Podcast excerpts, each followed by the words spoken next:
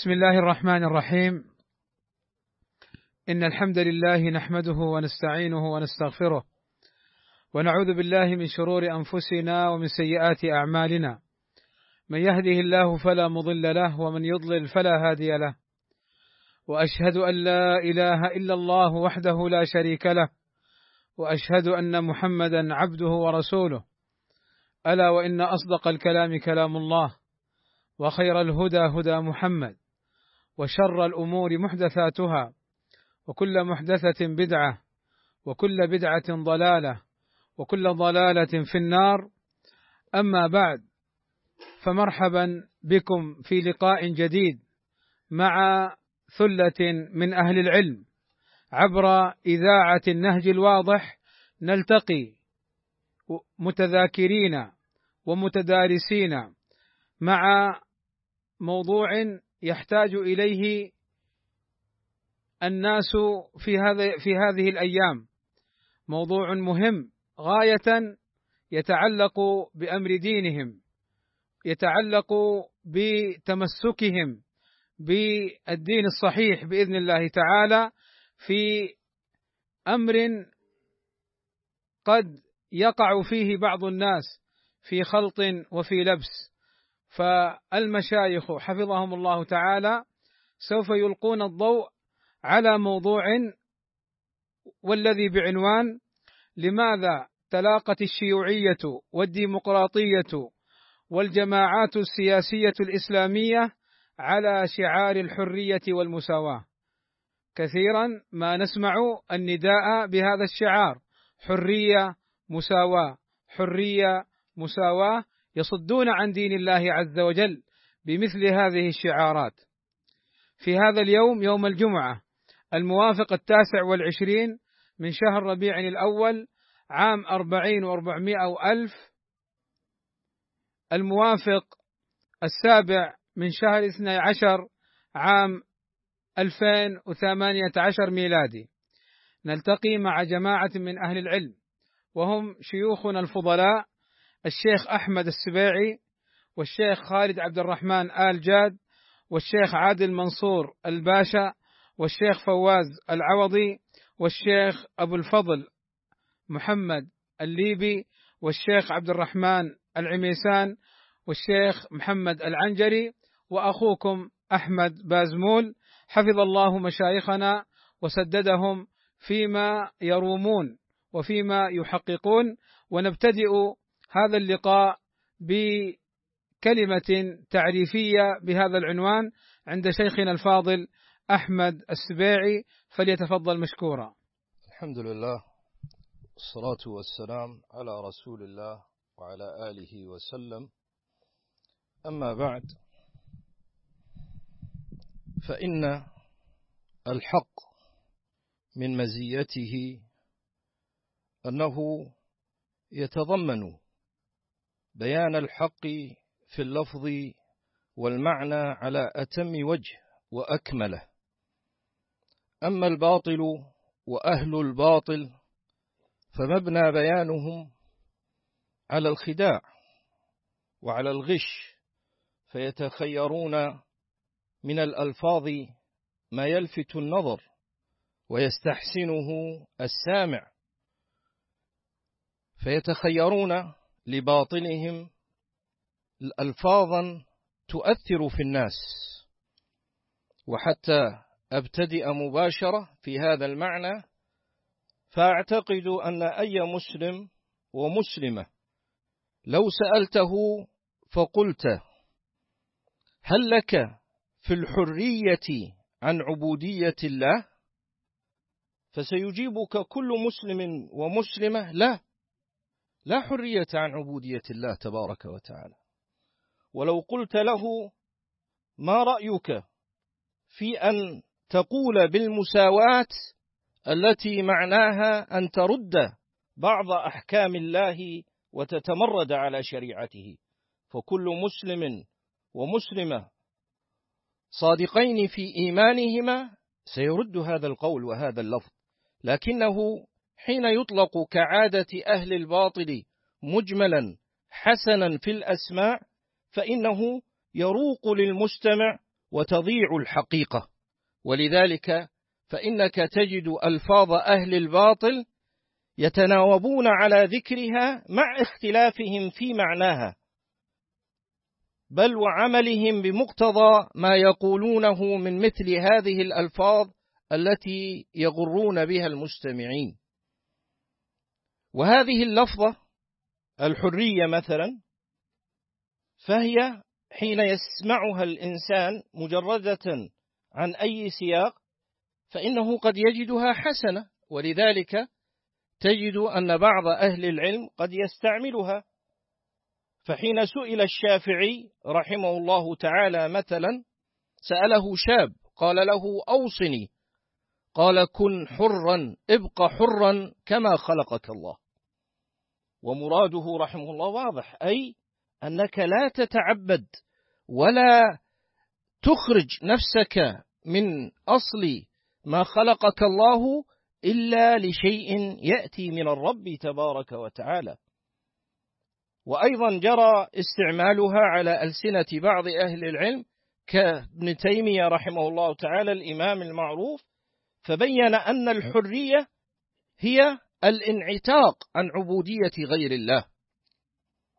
أما إذا استعملت الحرية والمساواة بالمعاني التي يريدها القوم في هذا الزمان والذين جمعوا فيها من الشرور ما تفرق في الأمم من قبلنا حتى صارت عنوانا وآلة لكل مبطل له طموح غاشم في السلطة أو يريد أن يحقق مآربه الدنيئة فإنه يستتر بهذا الشعار الحرية والمساواة سواء كان شيوعيا أو كان ديمقراطيا أو كان غير ذلك فإنه لا يخلو من المتاجرة بهذا اللفظ لماذا؟ حتى يغر الناس ويخدعهم ويغشهم فلا بد إذن من بيان خطر هذا الاستعمال وأن هذه الطوائف والتيارات إنما التقت على هذه الشعارات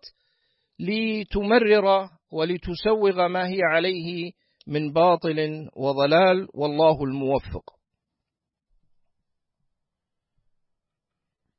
جزاكم الله خيرا شيخنا الكريم على هذه الإفادة والبيان لمعنى هذه الندوة أو هذا اللقاء والذي أسأل الله عز وجل أن يجعله لقاء مباركا. شيخنا خالد بن عبد الرحمن حفظه الله تعالى نود منك بارك الله فيك إلقاء الضوء على قضية خلق الإنسان وما يتعلق بها من جانب الحرية والمساواة.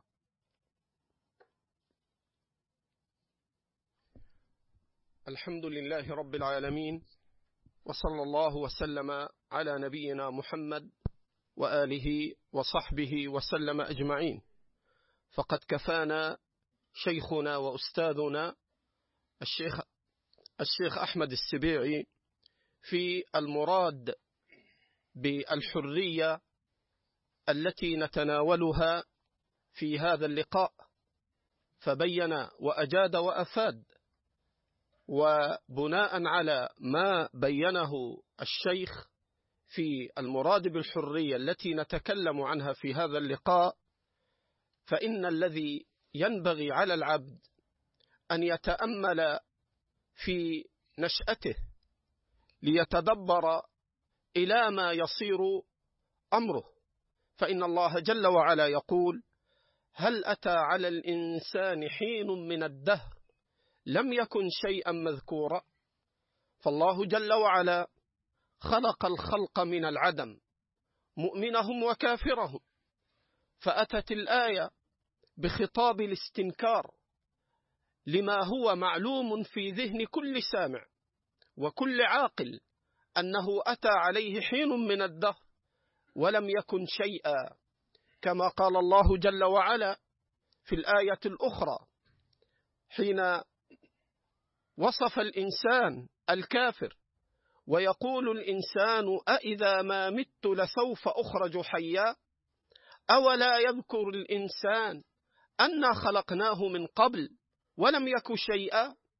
فإذا علم الإنسان أنه كان لا شيء ولا وجود وإذا علم أن بقاءه ليس باختياره. بل إن بقاءه بمشيئة الرب. لذلك في سورة الإنسان ابتدأ الله جل وعلا بالآية هل أتى على الإنسان حين من الدهر لم يكن شيئا مذكورا؟ فتكلم على إنشاء العبد من العدم. وفي آخر السورة تكلم على إفنائه متى شاء ذلك. نحن خلقناهم وشددنا أسرهم. وإذا شئنا بدلنا أمثالهم تبديلا. فإذا كان العبد في ابتداء أمره لا خيار له في إيجاد نفسه وإنما أنشأه الله من العدم بقدرته ومشيئته. وإذا كان العبد في حال حياته لا اختيار له في البقاء في هذه الحياة بل ينشئه الله باختياره بمشيئته ويفنيه بمشيئته. يجعله تارة ضعيفا ويجعله تارة قويا ثم يرده بعد ذلك ضعيفا. خلق الإنسان وخلق الإنسان ضعيفا. والله خلقكم من ضعف ثم جعل من بعد ضعف قوة ثم جعل من بعد قوة ضعفا وشيبة. هكذا الرب جل وعلا يفعل ما يشاء يحكم ما يريد هو الذي سبحانه وتعالى خلقنا وأوجدنا وسيرنا فيما أراد وجعل لنا الاختيار فيما شاء وما تشاءون إلا أن يشاء الله رب العالمين. إذا علم العبد ذلك استسلم وعلم ضعفه وعلم قصر هذه الحياة. قال كم لبثتم في الأرض عدد السنين قالوا لبثنا يوما أو بعض يوم. فاسأل العادين. قال إن لبثتم إلا قليلا. هذه هي الحياة. ختم الله سورة الإنسان. حين ابتدأ ذكرى إنشاء الله للعبد وأنه لم يكن شيئا مذكورا. وختمها. نحن خلقناهم. وشددنا أسرهم وإذا شئنا بدلنا أمثالهم تبديلا فإذا تبين للإنسان حقيقة الابتداء من العدم وحقيقة الوجود أن مردها إلى الله وحقيقة الانتهاء وإلى ما يصير ختم فقال تعالى إن هذه تذكرة فمن شاء اتخذ إلى ربه سبيلا فدل ذلك على أن العبد عليه أن ينقاد لربه جل وعلا وأن ينقاد لما شرع الله عز وجل. ثم بين الله تبارك وتعالى أنه لم يساوي بين خلقه بل فضل بعضهم على بعض. قال الله جل وعلا والله فضل بعضكم على بعض في الرزق وهذا من تمام حكمة الله. فمن أراد الحرية وأراد المساواة على معنى ما تقدم فقد ناقض الحكمة وناقض شرع ربه والله المستعان. جزا الله خيرا شيخنا الفاضل الشيخ خالد عبد الرحمن على ما أفاد من معاني خلق الإنسان المبينة لحقيقة الحرية والمساواة. كذلك نطلب من شيخنا الفاضل الشيخ أحمد السباعي حفظه الله تعالى أن يلقي الضوء على قضية تفاوت الناس في هذه الحياة. طبعا بين الشيخ خالد وفقه الله تبارك وتعالى شيخنا الجليل أن الله تبارك وتعالى هو خالق كل شيء. وخلق الله تبارك وتعالى لخلق لكل شيء فأنت إذا نسبت الخلق لله فلا يكون خلق الله إلا تابعا لكمال الله تبارك وتعالى. فالله جل وعلا يكفي أن ينسب الفعل إليه حتى يعلم اقتران هذا الفعل بالحكمة الكاملة وبالقدرة التامة الباهرة وبالعلم العظيم الذي يليق بجلاله وربوبيته وإلهيته سبحانه وتعالى. والله جل وعلا كما خص نفسه بأنه خالق كل شيء فإنه تبارك وتعالى بين أنه هو الذي يختار صفات ما يخلق سبحانه وتعالى. فقال عز من قائل وربك يخلق ما يشاء ويختار. وربك يخلق ما يشاء ويختار. ما كان لهم الخيرة.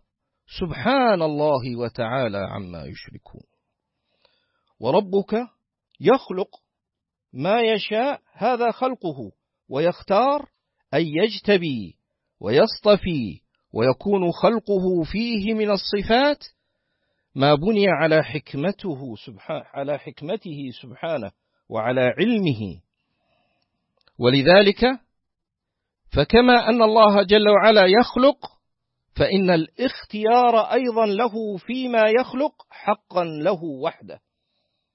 ولذلك ختم الله جل وعلا هذه الآية الكريمة بقوله ما كان لهم الخيرة.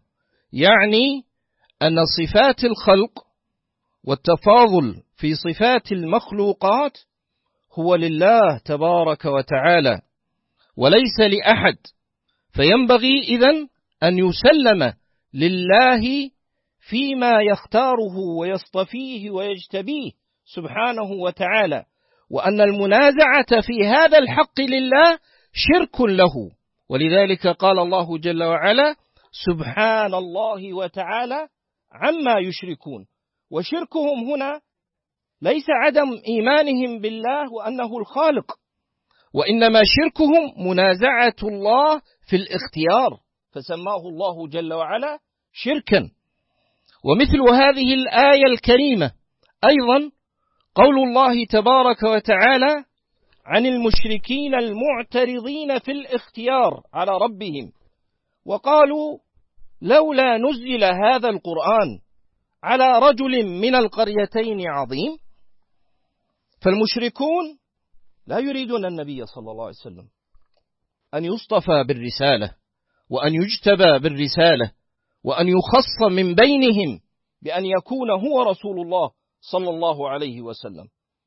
فإن في تقدير فإن في تقديرهم أن المستحق لهذه الرسالة والذي ينبغي أن تتنزل عليه النبوة بعقولهم هم رجلان من صناديدهم وقادتهم ورؤوسهم.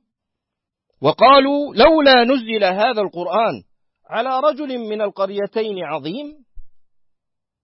وهنا نكتة وهو أن هؤلاء المشركين على شركهم وكفرهم واعتراضهم على اختيار الله تبارك وتعالى إلا أنهم أعقلوا من أبناء زماننا الرافعين راية المساواة. والرافعين هذه الراية. لماذا؟ لأنهم حين أرادوا أن يعترضوا على الله في اختياره اختاروا ما وجد فيه صفات حسنة في نظرهم جعلوا مناط الاختيار يتنزل عليها. أما أبناء هذا الزمان من الدهماء ومن غيرهم ولا أريد أن أتنزل في العبارات بما يليق بمثل هذه العقول تأدبا ورعاية للهداية. فأقول أما أبناء هذا الزمان فيريدون أن يساووا بين العالم والجاهل وبين كل ذي وصف أيا ما كان يساوونه بالآخر فهم فهؤلاء المشركين حين أرادوا الاختيار راعوا صفات. لكن ماذا قال الله تبارك وتعالى؟ وقالوا لولا نزل هذا القرآن على رجل من القريتين عظيم فقال الله عز وجل أهم يقسمون رحمة ربك؟ رحمة الله. وهذا فيه بيان أن الدين رحمة من الله وأن الرسالة رحمة من الله وأن الشريعة رحمة من الله. أهم يقسمون رحمة ربك؟ نحن قسمنا بينهم معيشتهم في الحياة الدنيا ورفعنا بعضهم فوق بعض درجات ليتخذ بعضهم بعضا سخريا ورحمة ربك خير مما يجمعون. فبين الله تبارك وتعالى أن أمره الكوني القدري في الخلق المرتبط بحكمته البالغة هو الذي له الحق فيه وحده. وكذلك في شريعته. فإن الله عز وجل هو الذي له الحق في الأمر والنهي. ألا له الخلق والأمر. تبارك الله رب العالمين. أما المشركون فإن في نفوسهم من الضيق وضنك الكفر ومن أمراض الحسد ومن أمراض الحقد ومن أمراض الطموح الفاسد ما يجعلهم يعترضون على الله تبارك وتعالى في قدره. ويعترضون عليه في خلقه ويعترضون عليه في شريعته. ولذلك قال الله سبحانه وتعالى وإذا جاءتهم آية قالوا لن نؤمن حتى نؤتى مثل ما أوتي رسل الله. الله أعلم حيث يجعل رسالته. فإذا فسبيل المشركين الكافرين أنهم يضادون الله تبارك وتعالى في حقوقه ولا يسلمون له تبارك وتعالى. أما المؤمنين فإنهم رضوا بالله ربا وبالإسلام دينا وبمحمد صلى الله عليه وسلم نبيا. وشأنهم هذا كما أنه في خلقه وقدره فكذلك في شريعته وأمره ونهيه. ولذلك وصفهم الله تبارك وتعالى بقوله وما كان لمؤمن ولا مؤمنة إذا قضى الله ورسوله أمرا أن يكون لهم الخيرة من أمرهم. ومن يعص الله ورسوله فقد ضل ضلالا مبينا. فالمؤمنين مسلمين لله ربا ومسلمين لله إلها. لماذا؟ لأنهم عرفوا من, من الله. عرفوا الله. عرفوا الله معرفة تشبعت بها قلوبهم إيمانا وحبا ورغبة ورهبة فسلموا له فيما يقضي وأخلصوا له الدين وتوكلوا عليه واستعانوا به فزادهم الله نورا وإيمانا وتسليما. وفي الحقيقة أن تفضيل الله تبارك وتعالى لمخلوقاته بعضها على بعض فهذا باب واسع. يبتدئ من السماوات فأفضلها أعلاها. يبتدئ بالعرش حيث جعل خصه الله تبارك وتعالى بعلوه وارتفاعه وهو مخلوق من مخلوقاته. الملائكة فضل الله جل وعلا بعضهم على بعض. جنة الفردوس جعلها. الله عز وجل أعلى الجنة. الأنبياء عليهم الصلاة والسلام تلك الرسل فضلنا بعضهم على بعض منهم من كلم الله ورفع بعضهم درجات.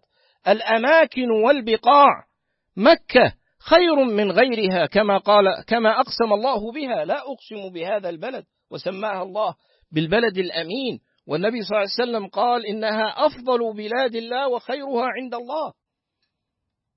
والأزمنة رمضان ليس كغيره وليلة القدر ليست كغيرها ويوم الجمعة إن من أفضل أيامكم يوم الجمعة. فيه خلق آدم وفيه بعثت وفيه تقوم الساعة أو كما قال صلى الله عليه وسلم. بل إن العجيب في هذه المسألة واضطراد حكمة الله جل وعلا البالغة فيها أن الله عز وجل فضل بعض صفاته على بعض. مع العلم أن صفاته تبارك وتعالى كلها كاملة. فقال صلى الله عليه وسلم اللهم أني أعوذ برضاك من سخطك وبمعافاتك من عقوبتك وبك منك لا أحصي ثناء عليك أنت كما أثنيت على نفسك بل صفة الله جل وعلا الرحمة جعلها الله سابقة لغضبه ورحمتي سبقت غضبي وكلاهما كمال لله. بل كلام الله جل وعلا الذي هو كله كامل فضل الله بعضه على بعض. ألا أدلك على أعظم آية في القرآن؟ فعلمه آية الكرسي. ولذلك فأقول إن هذا باب واسع بل هو مقتضى العقل الصحيح المتأمل في ملكوت الله وفي مخلوقاته. فمن لم يسعفه النظر في كلام الله جل وعلا أن يقوده ذلك إلى الإيمان بالله والتسليم له؟ أفلا ينظر إلى بديع صنع الله في مخلوقاته سبحانه وتعالى؟ ألا تجد أن الرب تبارك وتعالى حين ذكر اختلاف مخلوقاته وذكر من صفات الجبال غرابيب سود وذكر ثم بعد ذلك ختم الله جل وعلا بقوله إنما يخشى الله من عباده العلماء. لماذا؟ لأن بديع صنع الله تبارك وتعالى. هل الحيوانات متساوية؟ الأسد كغيره؟ الخيل كغيرها؟ القرش في البحر كغيره؟ كل شيء. بل هذه الثمار التي تسقى من ماء واحد ونفضل بعضها على بعض في الأكل. بل هذه المعادن هل الذهب والفضة كغيرهما؟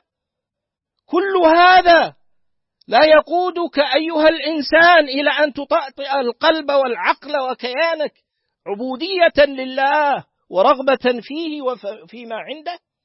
كل هذا لا يجعلك تؤمن لا يجعلك تستسلم لا يجعلك تتقي؟ هذا يدل على أن المشكلة في الإنسان. المشكلة فينا. أن الله جل وعلا نوع لنا ما ينبغي أن نزداد إيمانا واهتداء ولكن العقل المتشكك والقلب الغير مستيقن والأسئلة الغير صحيحة وإعجاب الإنسان بنفسه أو برأيه أو إرادته لمكان الله حين كمل خلقنا فجعلنا على هذه الصورة السوية وسخر لنا ما في السماوات وما في الأرض جميعا منه. كل ذلك ليس حتى نشمخ بأنفسنا عن عبادته ولا حتى أن نعلو بل ينبغي أن نذل لله وأن نخلص لله وأن نؤمن به وأن نرضى به ربا وأن نؤمن بحكمته. فنسأل الله تبارك وتعالى أن يردنا إليه ردا جميلا. هذا والله أعلم.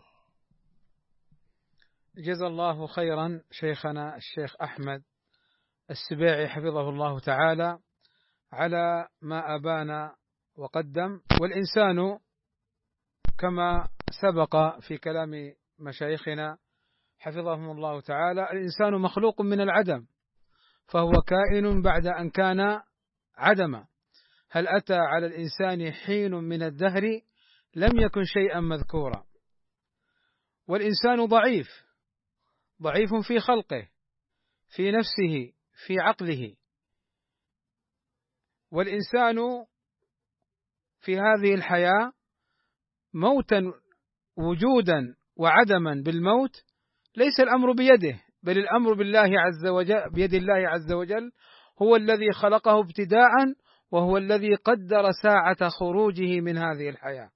لذلك على العبد أن ينقاد لربه. الذي بيده الأمور الذي بيده الأمور كلها سبحانه وتعالى. والواقع وحياة الناس وتفاوتهم في مجالات عديدة ألقى عليها الضوء مشايخنا. جزاهم الله خيرا. هذا التفاوت أمر قدره الله عز وجل بين الناس وذلك لحكمة أرادها الله عز وجل وذلك لحكمة أرادها الله عز وجل بينها في قوله ليتخذ بعضهم بعضا سخريا. أي ليسخر بعضهم أي ليسخر بعضهم بعضا في الأعمال والحرف والصناعات. فلو تساوى الناس في الغنى ولم يحتج بعضهم إلى بعض لتعطلت كثير من مصالحهم ومنافعهم.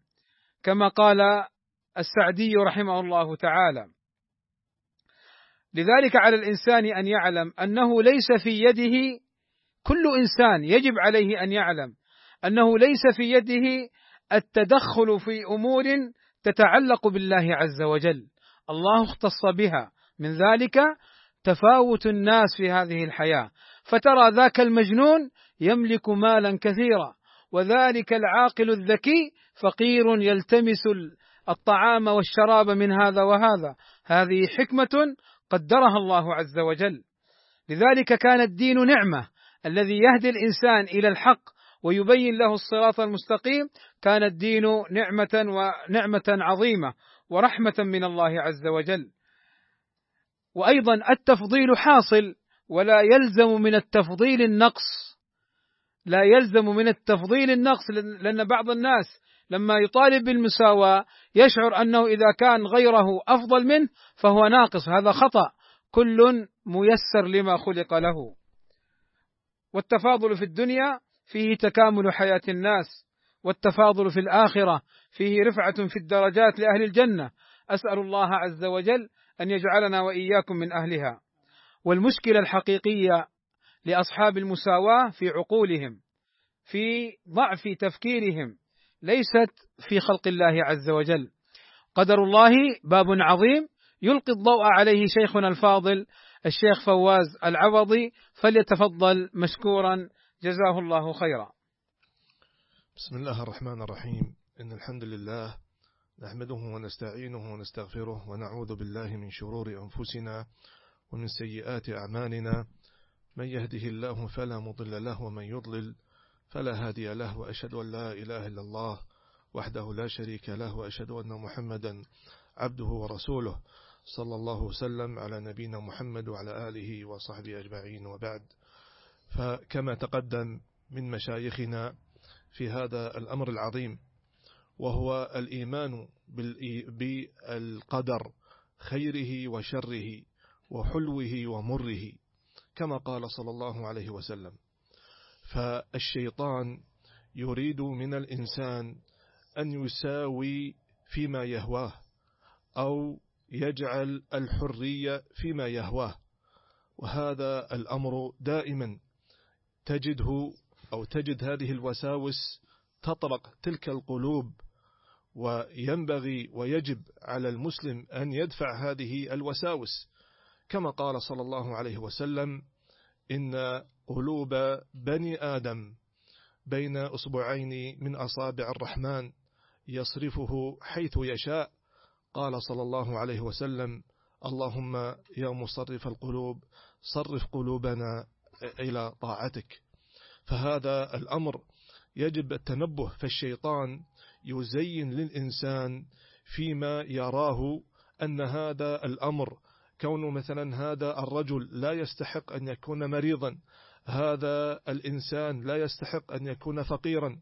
هذا الإنسان لا يستحق أن تكون وظيفته هكذا.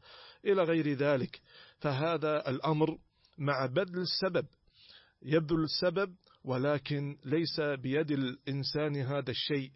فالله عز وجل فاوت بين الناس في الأعمال في الصحة في الأمراض. إلى غير ذلك. لذلك تجد هذه الوساوس وهذه الخطرات تأتي إلى الإنسان فصاحب القلب السليم يدفع هذه الوساوس بالاستعادة بالله من هذه الوساوس.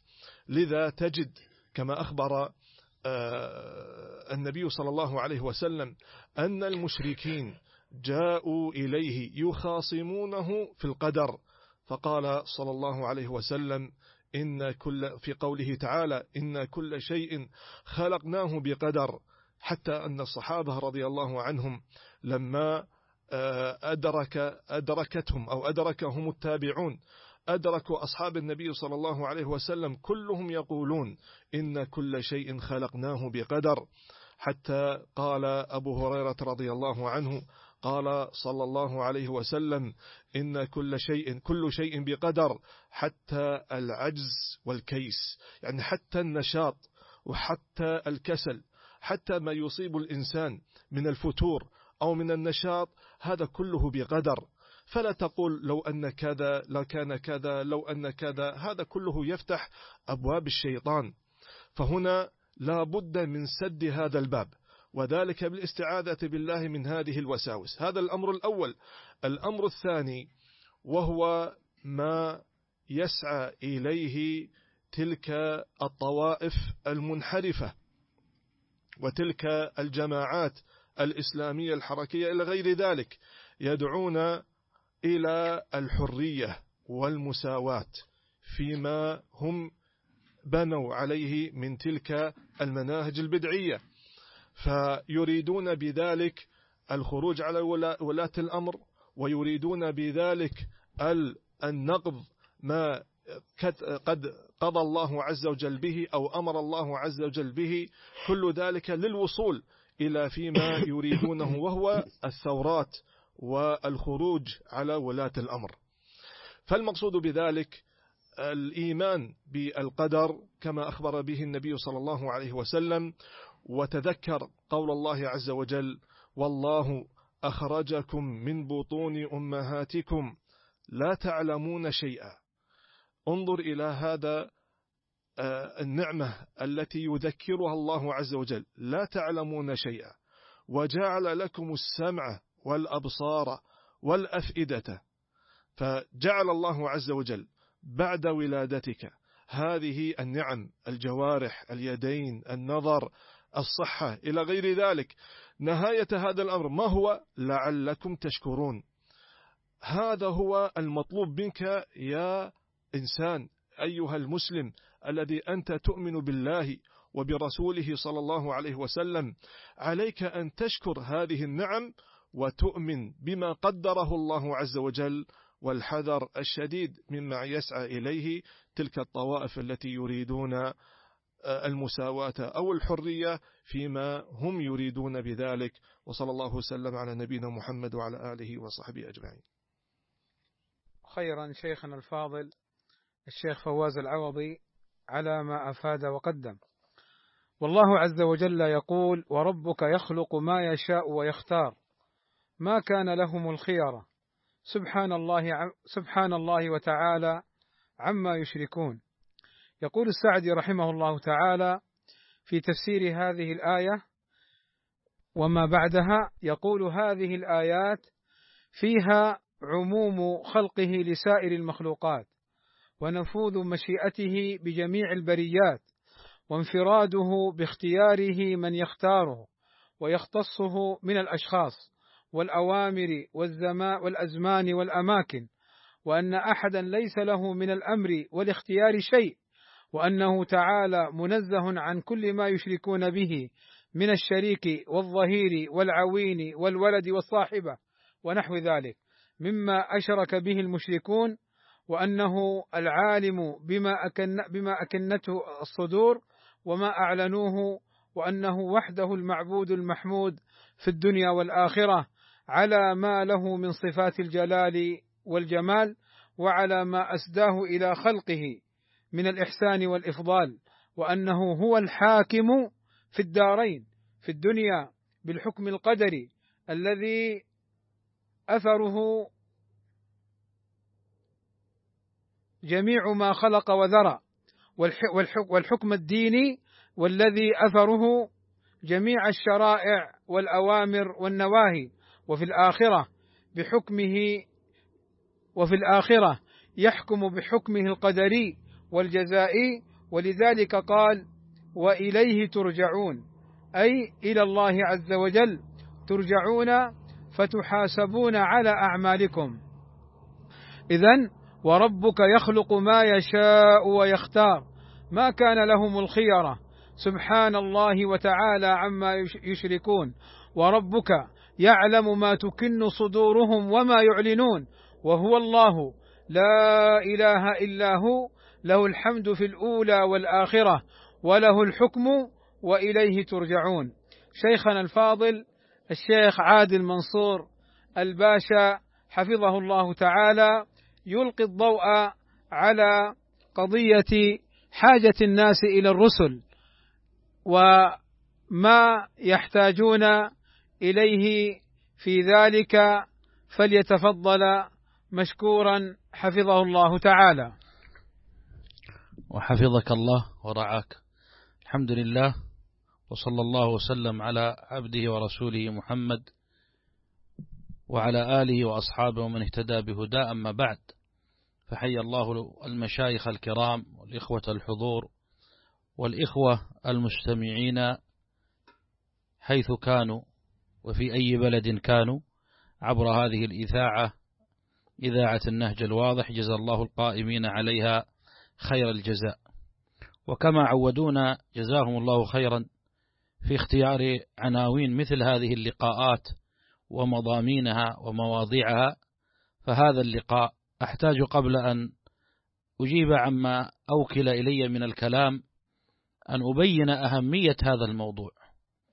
هذا الموضوع كغيره من الموضوعات المهمة أن هذا الموضوع كما أشار الشيخ أحمد بازمول شيخنا الدكتور أحمد بازمول حفظه الله في أول تقدمته لهذه الندوة وهذا اللقاء والحوار أن هذا الموضوع غاية في الأهمية.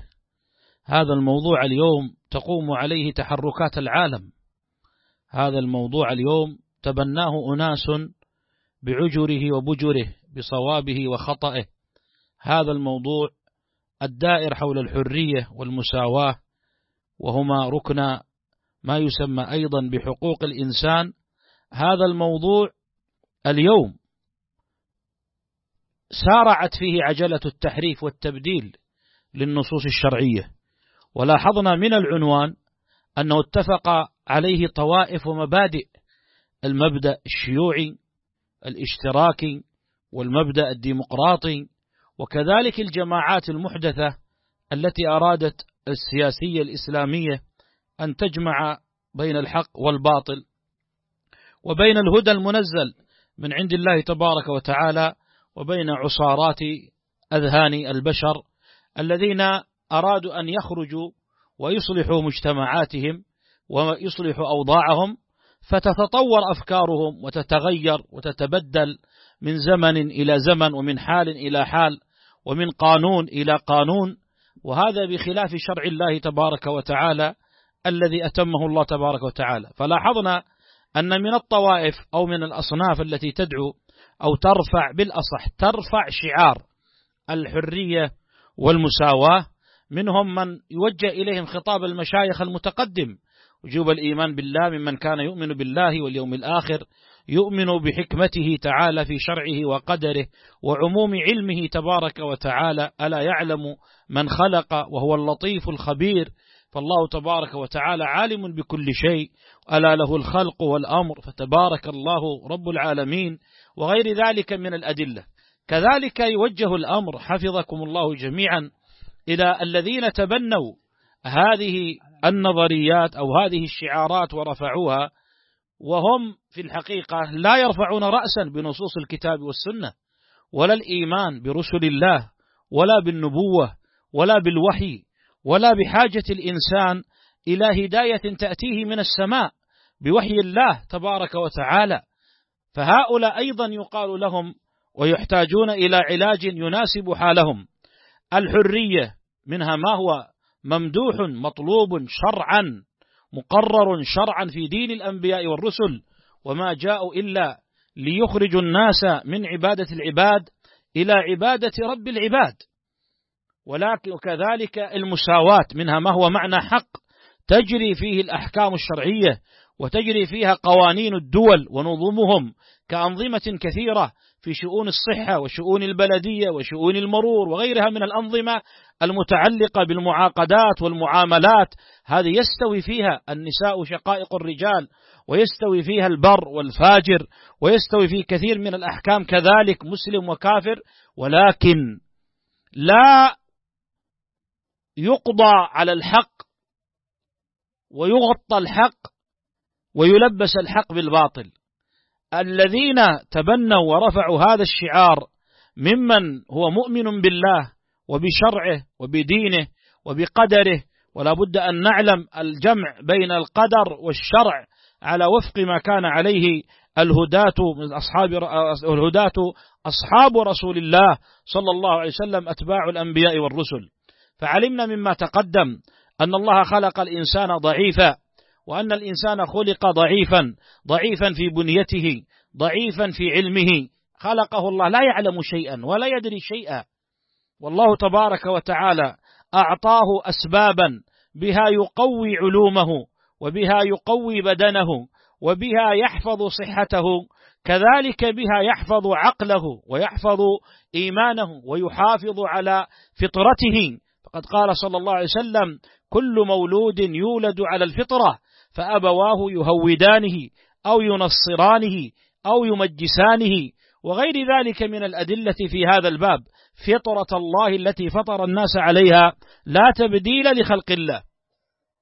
فكما أن من الناس من لا يرضى بخلق الله وصفته الخلقية الله تبارك وتعالى هو الذي صورك فعدلك في أي صورة ما شاء ركبك. لم تختر نسبك ولا قبيلتك ولا بلدك ولا زمنك الذي ولدت به ولا لونك ولا شكلك ولا قامتك ولا طولك ولا لم تختر شيئا من هذا. إنما الله تبارك وتعالى خلقك وسواك وفق مشيئته وعلمه وحكمته تبارك وتعالى. فكنت بحاجة ولا بد لضعفك وعجزك في بنيتك وفي عقلك وفي علمك وفي عملك وفي حياتك وفي موتك فلا تستغني طرفة عين عن هداية خالقك تبارك وتعالى لك. لهذا كانت حاجة الناس إلى الرسل والوحي والهداية أعظم من حاجتهم إلى الطعام والشراب. من وجوه الوجه الأول أن قوام أبدانهم يمكن يحتاج في اليوم إلى وجبة أو وجبتين بل ربما في الأيام يكتفي جسده بوجبة وبشربة ونحو ذلك. أما الوحي فلا يستغني عنه طرفة عين ونحن قد أمرنا أن نسأل الله أن يهدينا الصراط المستقيم في كل ركعة. والوجه الثاني كذلك أنك لو فرض فقدك للماء والشراب ضعف جسدك وانتهى بالموت والموت درب كل الناس سالكه يموت فيه الملحد والمؤمن والبر والفاجر والغني والفقير والملك والمملوك والسيد والعبد والذكر والأنثى كل نفس ذائقة الموت. ولكن إذا فقدت الوحي والهدى تخبطت. إذا فقدت الوحي والهدى تخبطت وضللت واعتمدت على عقلك وأوكلك الله جل وعلا إلى نفسك فتخبطت. نعم الله جعل في غريزة العقل ما يمكن أن يدرك بها جملة من المصالح فتؤتى. وما يمكن أن يدرك بها جملة من المفاسد فتجتنب.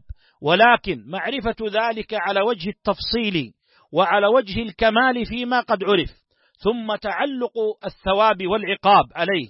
وصلاح الدين والدنيا والآخرة عليه إنما يكون ببعثة الرسل. وقد شبه النبي صلى الله عليه وسلم بعثته بالغيث الذي ينزل على الأرض كما في الصحيحين من حديث أبي موسى الأشعري مثل ما بعثني الله به من الهدى والعلم كمثل غيث أصاب أرضا.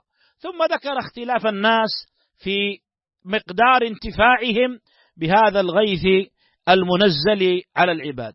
لكن هذه الألفاظ لما كانت مشتملة على معان هي من الحق والهدى ومشتملة على معان باطلة راجت على كثير من المسلمين فاستعملوها وهم على قسمين. قسم يعلم ما في رفع هذا الشعار من الباطل وموافقة أهله ولكن يريد بذلك أن يجمع الناس حوله وأن يري الآخرين اعتدالا يدعيه ووسطية وأن يظهر أنه من القائمين بحقوق الإنسان حتى يتخذ ذلك سلما ليصل إلى سدة الحكم والقرار والسلطة ويؤلب الناس على ولاتهم وحكامهم ويجري عملياته الثورية في الأفكار وفي المجتمعات وفي القيادات والسلطة.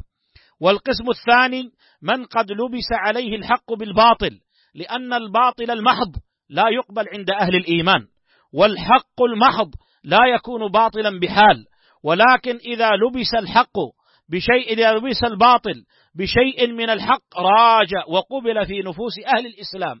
فيظن كثير من الناس يقبلون اللفظ والمعنى. جهلا منهم بحقيقة ما أرسل الله به الرسل وأنزل به الكتب وحقيقة واقع أولئك الناس الداعين إلى هذه المبادئ والرافعين لهذه الشعارات فلا هم في الحقيقة يجعلونها على عمومها الذي يظهر من لفظها ولا هم يطبقونها حق تطبيقها والواجب على المسلم ألا يجعل هذه المصطلحات ولا المعاني معارضة لشرع الله. جزا الله خيرا شيخنا الفاضل الشيخ عادل ابن منصور الباشا حفظه الله تعالى على ما أجاد وأفاد فقد قرر مسألة مهمة وعظيمة. لا بد أن يدركها كل مسلم ومسلمة والناس أجمع أجمعون وهي حاجة الناس إلى الرسل فالرسل جعلهم الله عز وجل طريقا لهداية الناس. والرسل بشر لا يأتون بشيء من تلقاء أنفسهم وإنما يوحى إليهم. يوحى إليهم ما أراده الله عز وجل من العباد. فالذين ينادون بالمساواة وينادون بالحرية بناء على عقولهم نقول لهم أولا هل عقولكم واحدة أم مختلفة؟ عقولكم مختلفة. في الشيء الواحد. لا تتفق. إذا ست... هؤلاء يصيرون في حقيقة أمرهم كالحيوانات يغلب بعضهم بعضا. الغوي القوي يغلب الضعيف. فصاحب الباطل إن كان قويا غلب بعقله وصاحب الحق إن كان ضعيفا غلب وهكذا. ولكن أرسل الله عز وجل الرسل بينوا الحق وبينوا مراد الله ودعوا الناس إلى عبادة الله عز وجل. إذا الحل في الحرية والمواساة في الحرية والمساواة في دين الله عز وجل بالحق والعدل وما فيه وبه تستقيم حياة الناس. وهذا ما فهمه السلف الصالح رضوان الله عليهم أصحاب النبي صلى الله عليه وسلم في ذلك الأمر كما أشار إلى ذلك شيخنا الفاضل عادل حفظه الله تعالى ويزيد هذا الأمر بيانا أعني ما يتعلق بأصحاب رسول الله صلى الله عليه وسلم. شيخنا الفاضل عبد الرحمن العميسان فليتفضل مشكورا. الحمد لله رب العالمين والصلاة والسلام على أشرف الأنبياء والمرسلين نبينا محمد عليه أفضل الصلاة وأتم التسليم. أما بعد فإني أحمد الله عز وجل إليكم جميعا أن أكون مشاركا ومتعلما من مشايخي الأفاضل الذين هم بحق هم الذين ينبغي أن يتكلموا وأن نكون مستمعين لهم.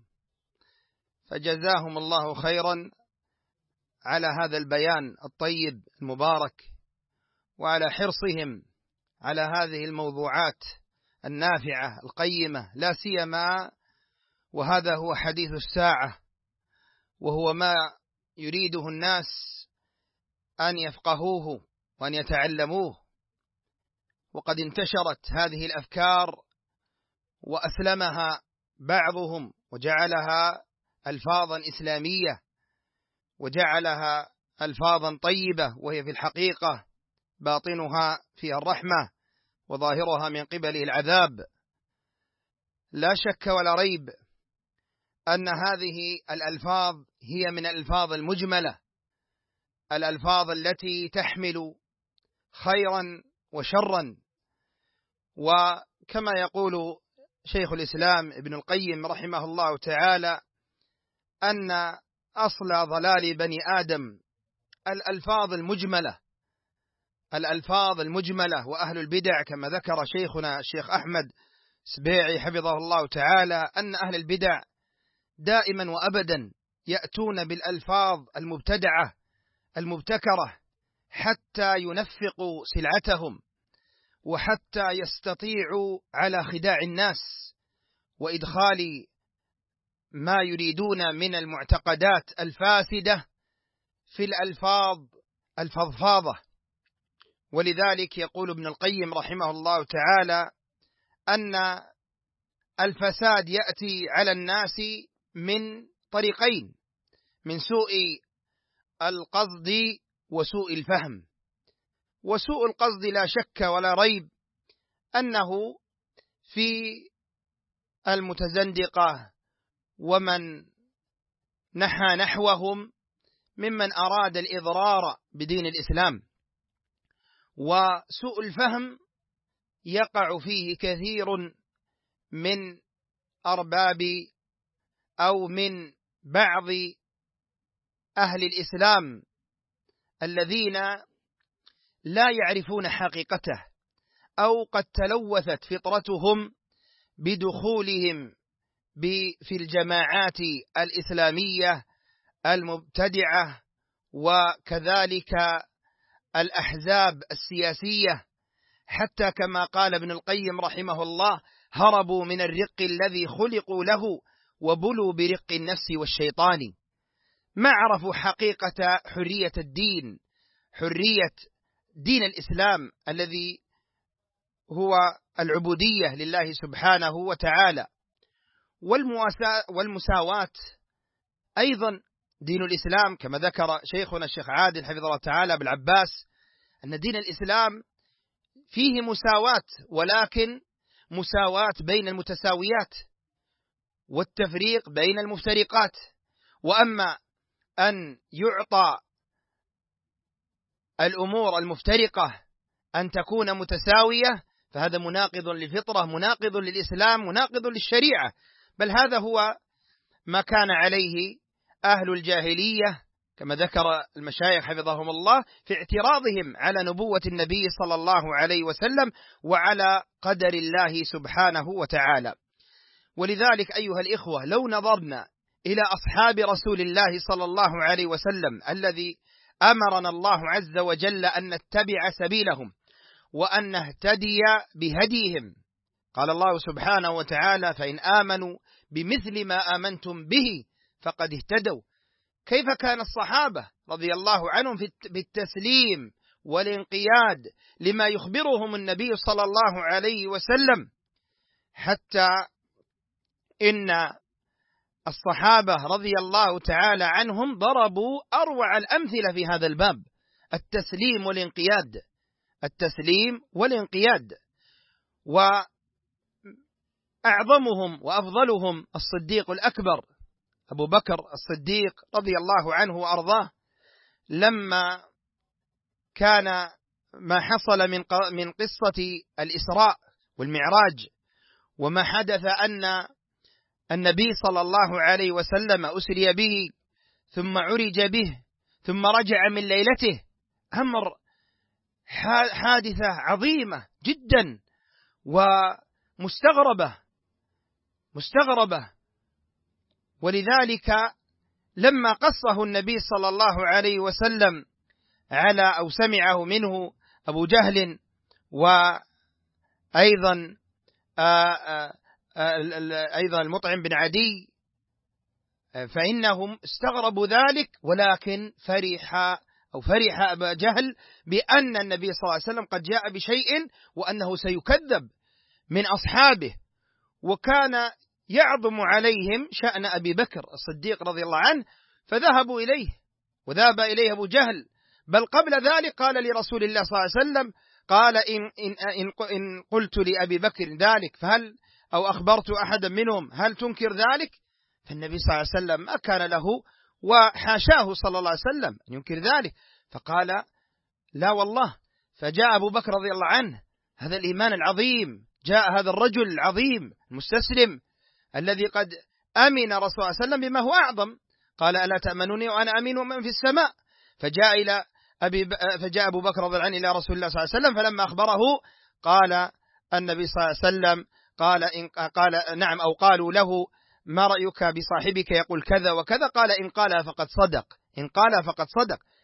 تصديق الصحابة وإيمانهم عظيم جدا. وهذا الموقف من أبي بكر رضي الله عنه أيضا ذكرونا بموقف آخر عند موت النبي صلى الله عليه وسلم. انظروا إلى الإيمان العظيم الذي قال من كان يعبد محمدا فإن محمدا قد مات. ومن كان يعبد الله فإن الله حي لا يموت.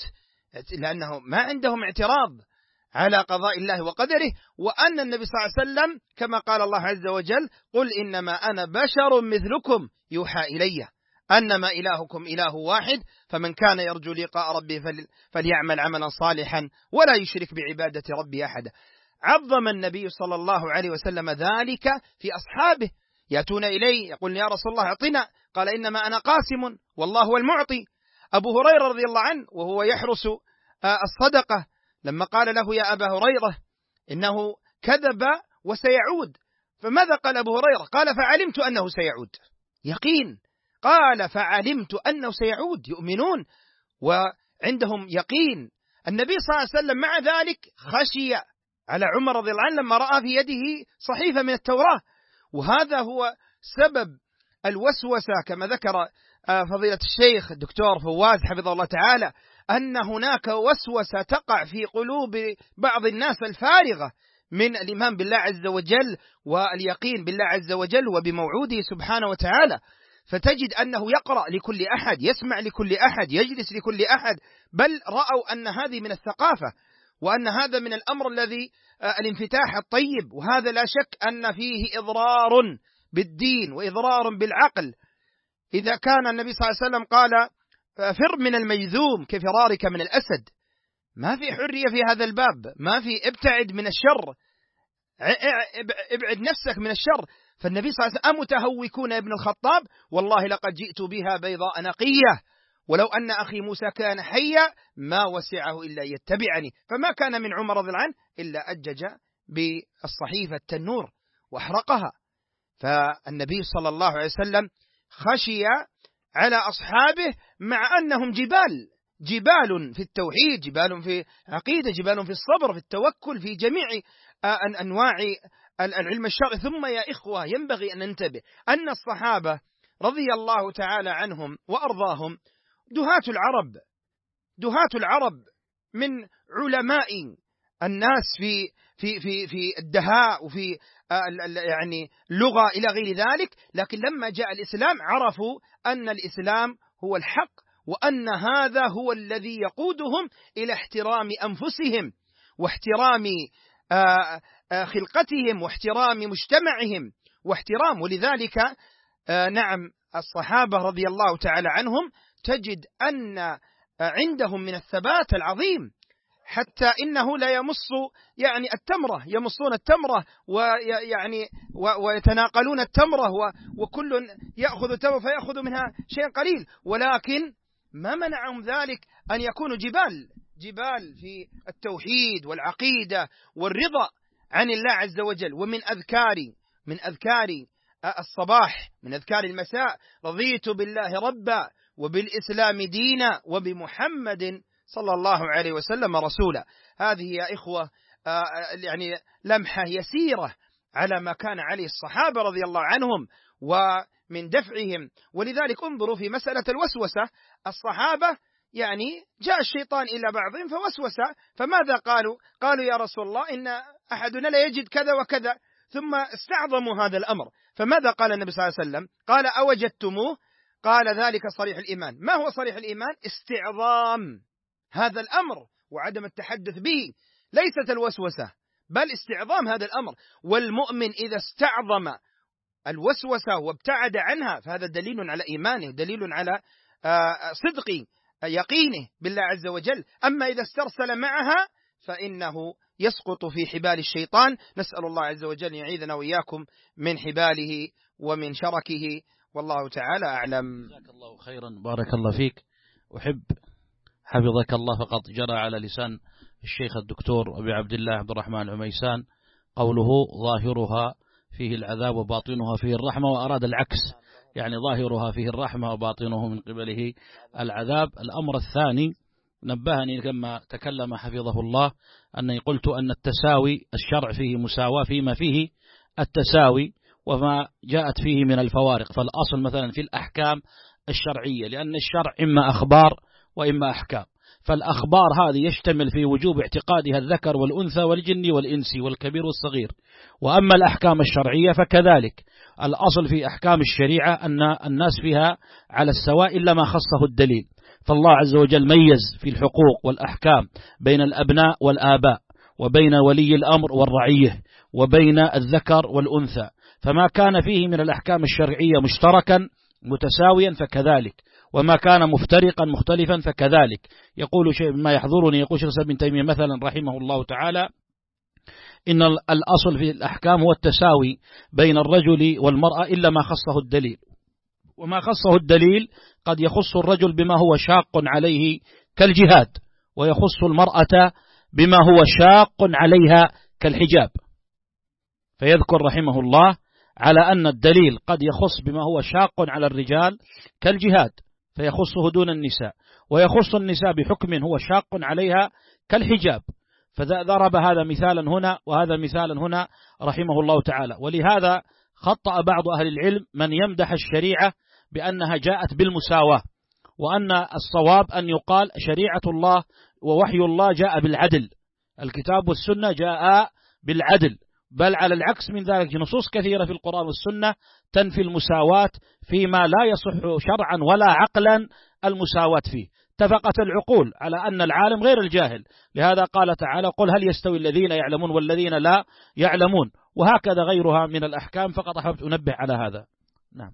ولا مانع أن ينبه شخص على تنبيهه دون أن أحتاج إلى أن أعلق على تعليقه.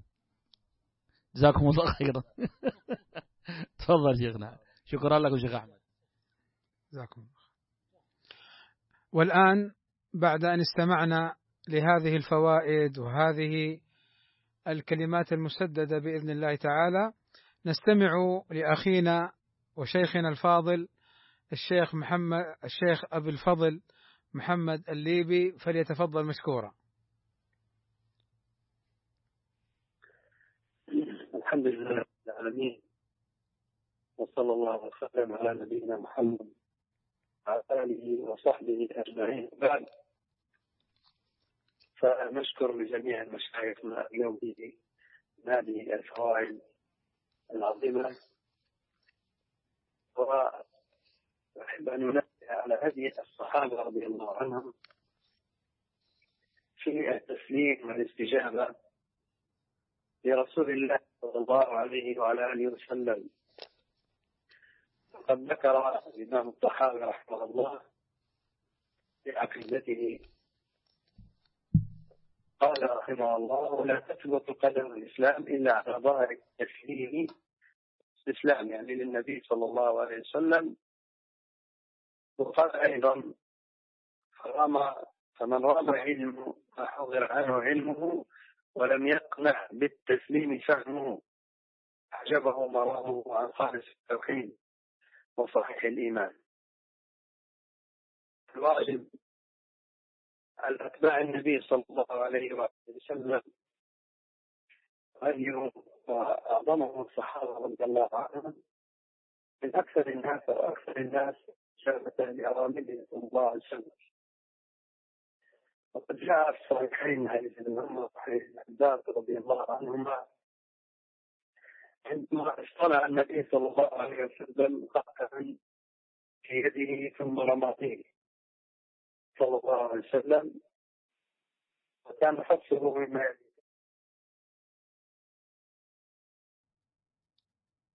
مشايخنا الذين تكلموا من قبل. وأحب أن أبين هذه الصحابة رضي الله عنهم في الاستجابة لأوامر رسول الله صلى الله عليه وسلم والانقياد له. فمن ذلك ما أخرجه الإمام البخاري ومسلم في صحيحه من حديث ابن عباس ومن حديث ابن عمر رضي الله عنه أو رضي الله عنهما عندما اتخذ النبي صلى الله عليه وعلى آله وسلم خاتما من ذهب.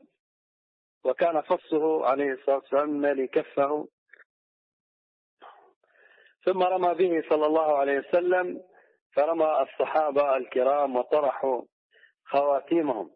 حتى في حديث ابن عباس قال له الرجل لصاحب الخاتم ألا تأخذ الخاتم؟ فقال لا والله لا أخذه بعد إذ طرحه رسول الله صلى الله عليه وعلى آله وسلم.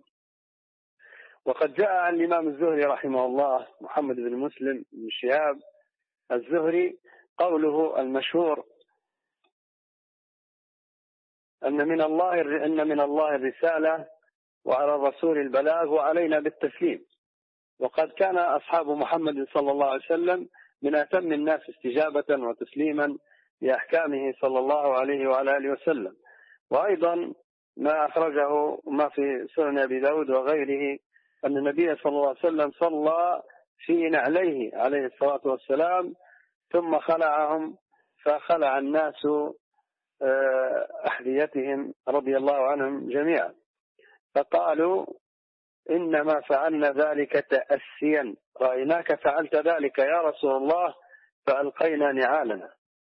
وأيضا عندما ضرب أبو مسعود البدري رضي الله عنه غلاما له فقال النبي صلى الله عليه وسلم له إن الله أقدر عليك منك على هذا الغلام. فقال رضي الله عنه لا أضرب مملوكا بعدها.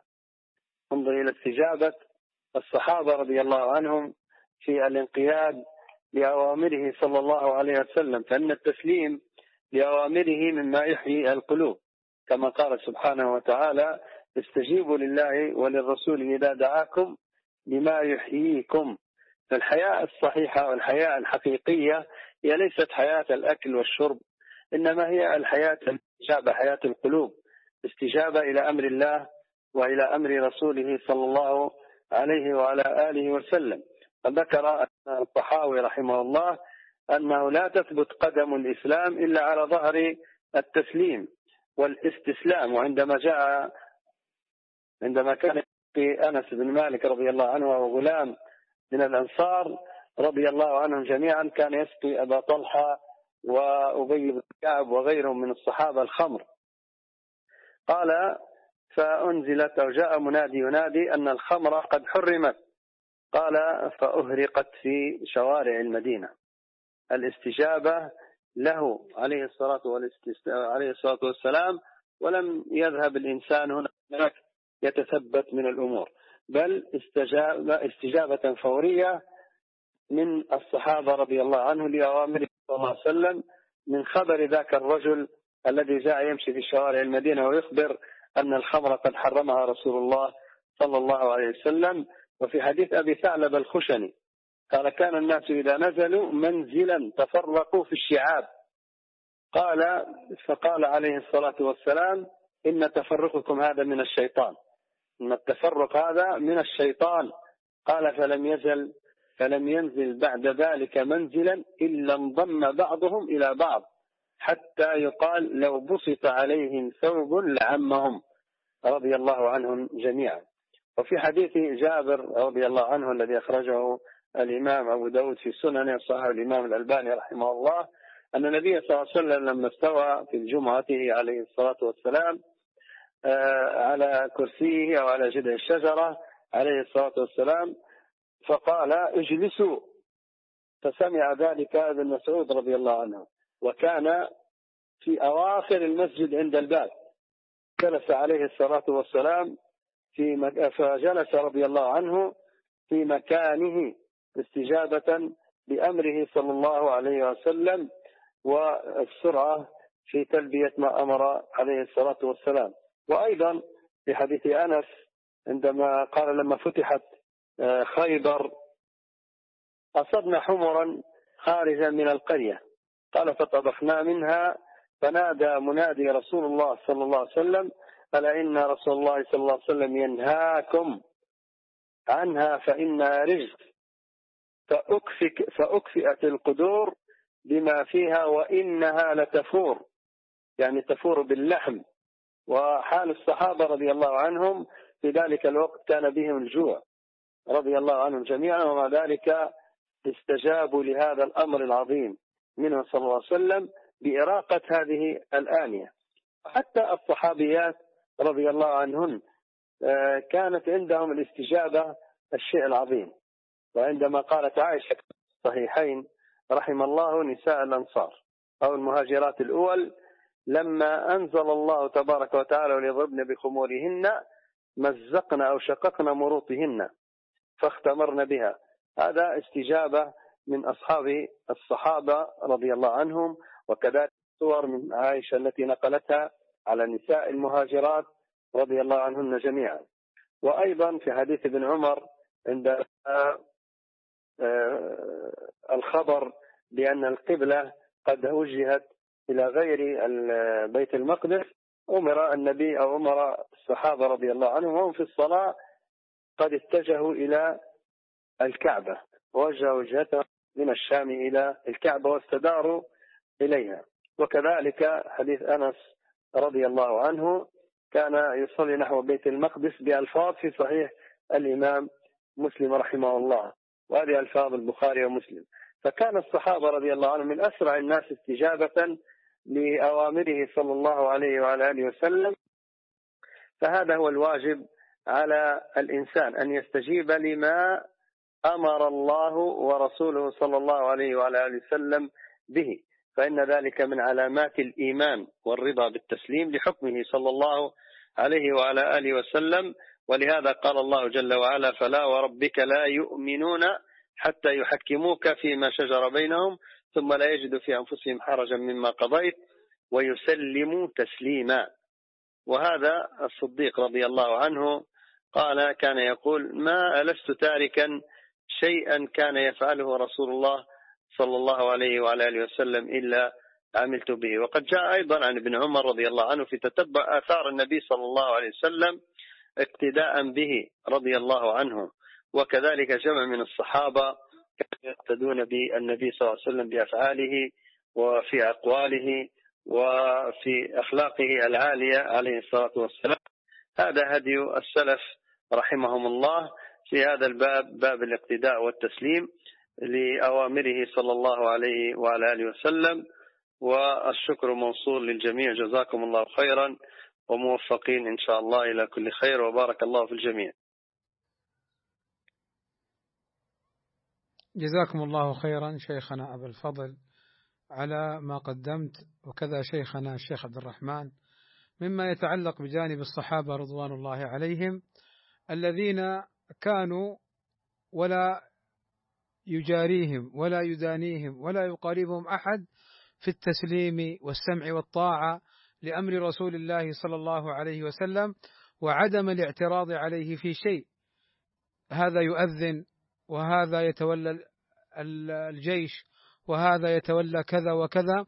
يقسم النبي صلى الله عليه وسلم الأمور بين الصحابة ويسلمون برضا وقناعة لأنهم يعلمون أن الحق والعدل والخير فيما أتى به النبي صلى الله عليه وسلم. آمن الرسول بما أنزل إليه من ربه والمؤمنون. كل آمن بالله وملائكته وكتبه ورسله. لا نفرق بين أحد من رسله. وقالوا سمعنا وأطعنا غفرانك ربنا وإليك المصير. لا زال الموضوع يتعلق بالمساواة والحرية. والله عز وجل يقول في كتابه: قل اللهم مالك الملك تؤتي الملك من تشاء وتنزع الملك ممن تشاء وتعز من تشاء وتذل من تشاء بيدك الخير إنك على كل شيء قدير تولج الليل في النهار وتولج النهار في الليل وتخرج الحي من الميت وتخرج الميت من الحي وترزق من تشاء بغير حساب. هذه الآيات العظيمات وكل كتاب الله عظيم فيها الدلالة على أهمية التسليم لأمر الله عز وجل وعدم الاعتراض وأن الخير كل الخير فيما جاء به النبي صلى الله عليه وسلم والشر كل الشر في مخالفة ما جاء به النبي صلى الله عليه وسلم. ومما جاء به النبي صلى الله عليه وسلم لزوم أهل الخير لزوم أهل الإيمان والبعد عن أهل الشر. ومن أهل الشر الملاحدة الذين يعترضون وينكرون وجود الله عز وجل. يحكى عن رجل يقال له ابن الراوندي أبو الحسن أحمد بن ابن يحيى الراوندي. مات سنة 98 و200 قال الذهبي في ترجمته الملحد عدو الله كان يلازم الرافضة والملاحدة. فإذا عوتب قال إنما أريد أن أعرف أقوالهم ثم إنه كاشف وناظر وأبرز الشبه والشكوك. حتى مات وقد طعن في القرآن في كتابه الدامغ دمغه الله. وطعن في النبوات في كتابه الزمردة. فرد عليه أهل العلم. قال الذهبي في آخر في آخر ترجمته لعن الله الذكاء بلا إيمان ورضي الله عن البلادة مع التقوى. إن قضية حفظ العقل قضية مهمة وقضية أساسية ملمة. أخطأ فيها كثير من الدعاة إلى الله عز وجل. كثير من الدعاة فتحوا الباب في المناظرة وفي المداخلة وفي سماع القول الآخر لعوام الناس. فأخطأوا فأوقعوا الناس في الشك والحيرة. وفي ضوء هذه القضية نوجه آه، السؤال لشيخنا الشيخ محمد العنجري حفظه الله تعالى. ما هو موقف أو ما الموقف السليم في مسألة العقل وحفظ العقل في هذه القضية؟ فليتفضل مشكورا.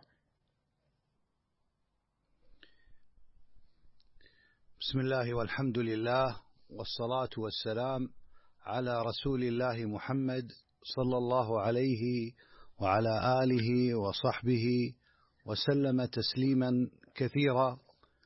أشكر المشايخ على ما تفضلوا. وهذا الموضوع من أهم المواضيع التي تأثر بها الكثير. وللأسف الشديد. ومن ذلك الجماعات السياسية الإسلامية. فلقد سمع الكثير قول أناس منهم أعلام بأن الحرية قبل الشريعة. كيف وصل بهذا الإنسان أن ينطق بهذه المقولة؟ أن تقدم الحرية على شريعة الله جل وعلا. هذا الأمر جد خطير.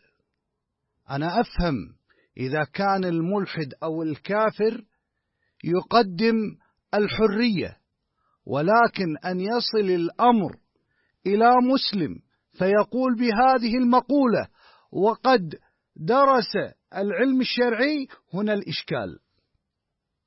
نعم هذا الموضوع يستحق محاضرات ولا بد لي من توطئة أن كلمة الحرية تباينت في الكتب القديمة والأطروحات الفلسفية إلى مطلع القرن العشرين في البداية شارك حتى أبناء المدرسة الاشتراكية الشيوعية في هذا اللفظ وإن كان لهم تفسير مخالف فلسفي خاص بهم. وليس هذا الطرح شعار لهم أي الحرية. بل الحرية كانت شعار للمدرسة الأممية وللمدرسة الديمقراطية وهي التي سادت الآن. فإذا أطلق إنسان كلمة الحرية فهي لا تحمل على المفهوم الاشتراكي الشيوعي وفلسفة هؤلاء لأن هؤلاء يعتقدون أن الحرية لا تقع إلا بعد إسقاط الطبقية من المجتمعات ويسود الطبقة العاملة وهي الأغلبية وتسقط الرأسمالية. هذا مفهومهم للحرية فهو مفهوم غير مفهوم عند جل الناس. أما عند إطلاق لفظ الحرية عند العامة وعند الساسة وعند المتخصصين فالمقصود ما قرر في العقد الاجتماعي وفي حقوق الإنسان. هذا هو المقصود في الحرية. وللأسف أن الجماعات السياسية الإسلامية ارتضت هذا المفهوم. فهم يشاركون أبناء المدرسة الديمقراطية في هذا الطرح وهو المعروف. إذا المعنى السائد للحرية ما يسبق للإنسان من فهم الحرية التي قررت في الأمم المتحدة والإعلان العالمي لحقوق الإنسان في سنة 48 من القرن العشرين. هذا هو المفهوم للحرية. وإن كان في التفصيل هناك خلافات كثيرة. هذه الحرية يا إخوان ما وصلت إلى الجماعات السياسية الإسلامية وإلى بعض المسلمين كأطروحة إلا بسبب مرض القلب والعقل. فالناس تعتني بأن لا تجرح. فيقول لابنه لا تجرح إيدك ابعد عنك السكين. يقول لابنه لا تسقط حتى لا تكسر رجلك. لا تدخل بلد فيها طاعون حتى لا تصاب بذلك. فالبشرية دائما تعتني بالوقاية من ماذا؟ من الكسور والجروح وما شابه ذلك من أمراض. ولكن لا تجد من يعتني بالوقاية من الأمراض والأهواء البدعية أي لا يعتني بوقاية عقله. وهذه قضية مهمة. الناس ما تراعي الوقاية. وقاية العقل من شرور الأهواء والأطروحات الفكرية. فهذا خطر عظيم يورد الإنسان المهالك والعياذ بالله يخرج الإنسان من الإيمان. تجد الآباء والأمهات يحرصون على مسألة كسر الإيد دير بالك على ركبتك ها لا تنتشل. لا تصاب بالزكام إلى غير ذلك. ولكن ما تجد هؤلاء ينتبهون إلى الوقاية من الأمراض الأهواء والشبه.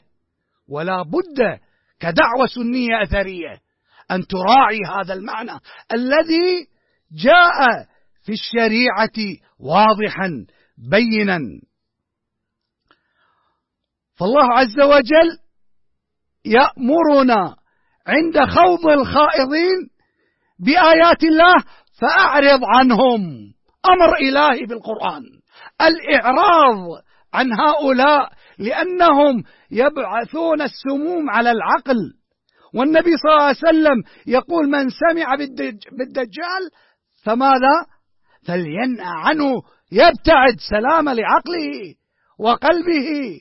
وكذلك عندما يخوض الخائض بكلام الله على غير ما كان عليه النبي صلى الله عليه وسلم وأصحابه أمرنا شرعا بكلام الله فأعرض عنهم.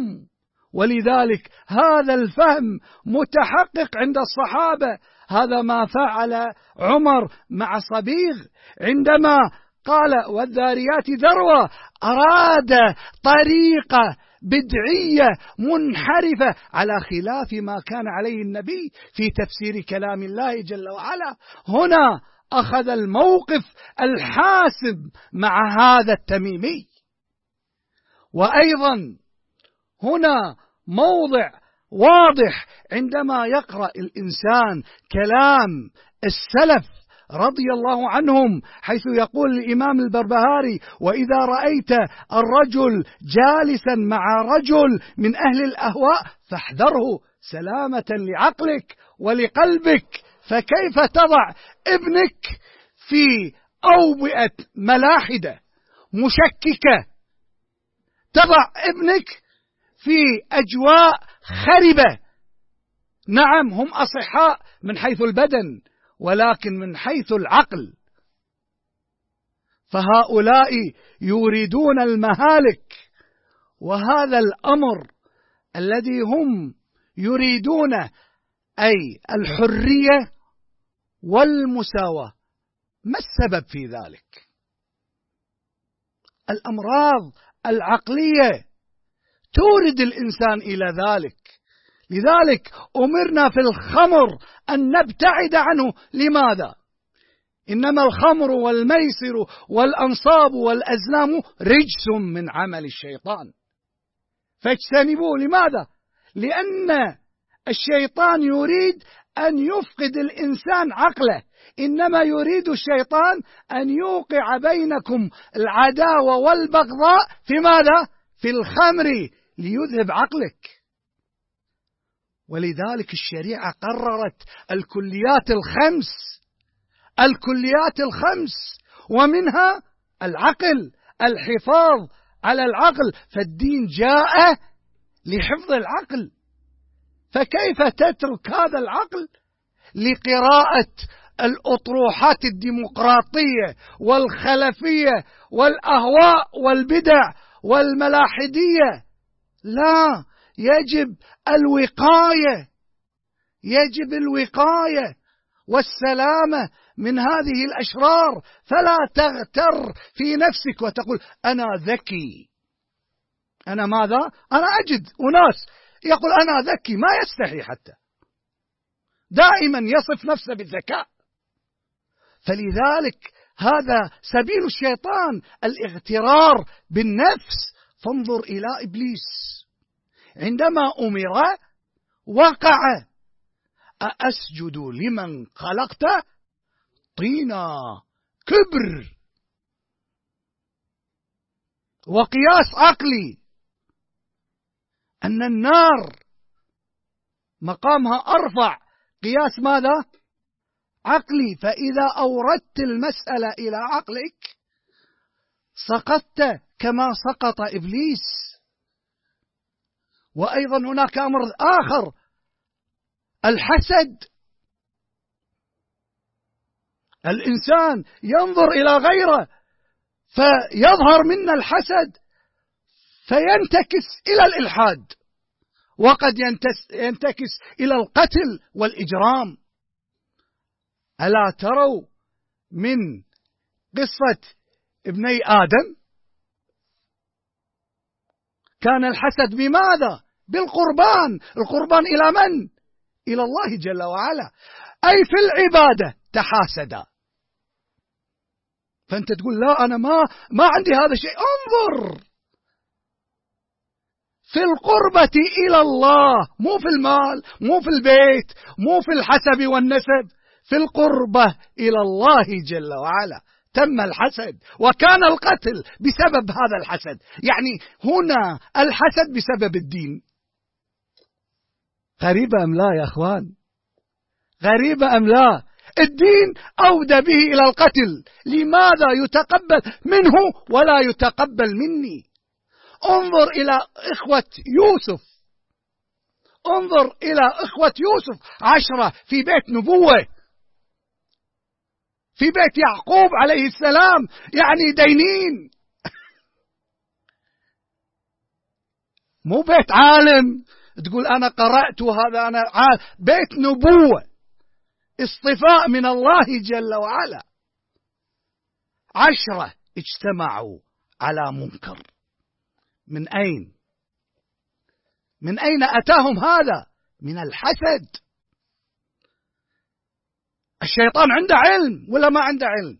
فأنت لا تغتر بعلمك بس أنت قد تكون مريض في قلبك قلبك نجس وإن كتمت فهنا الخطر فتقع في الشرك وتقع في الظلم وتقع في الأهواء وأنت لا تدري.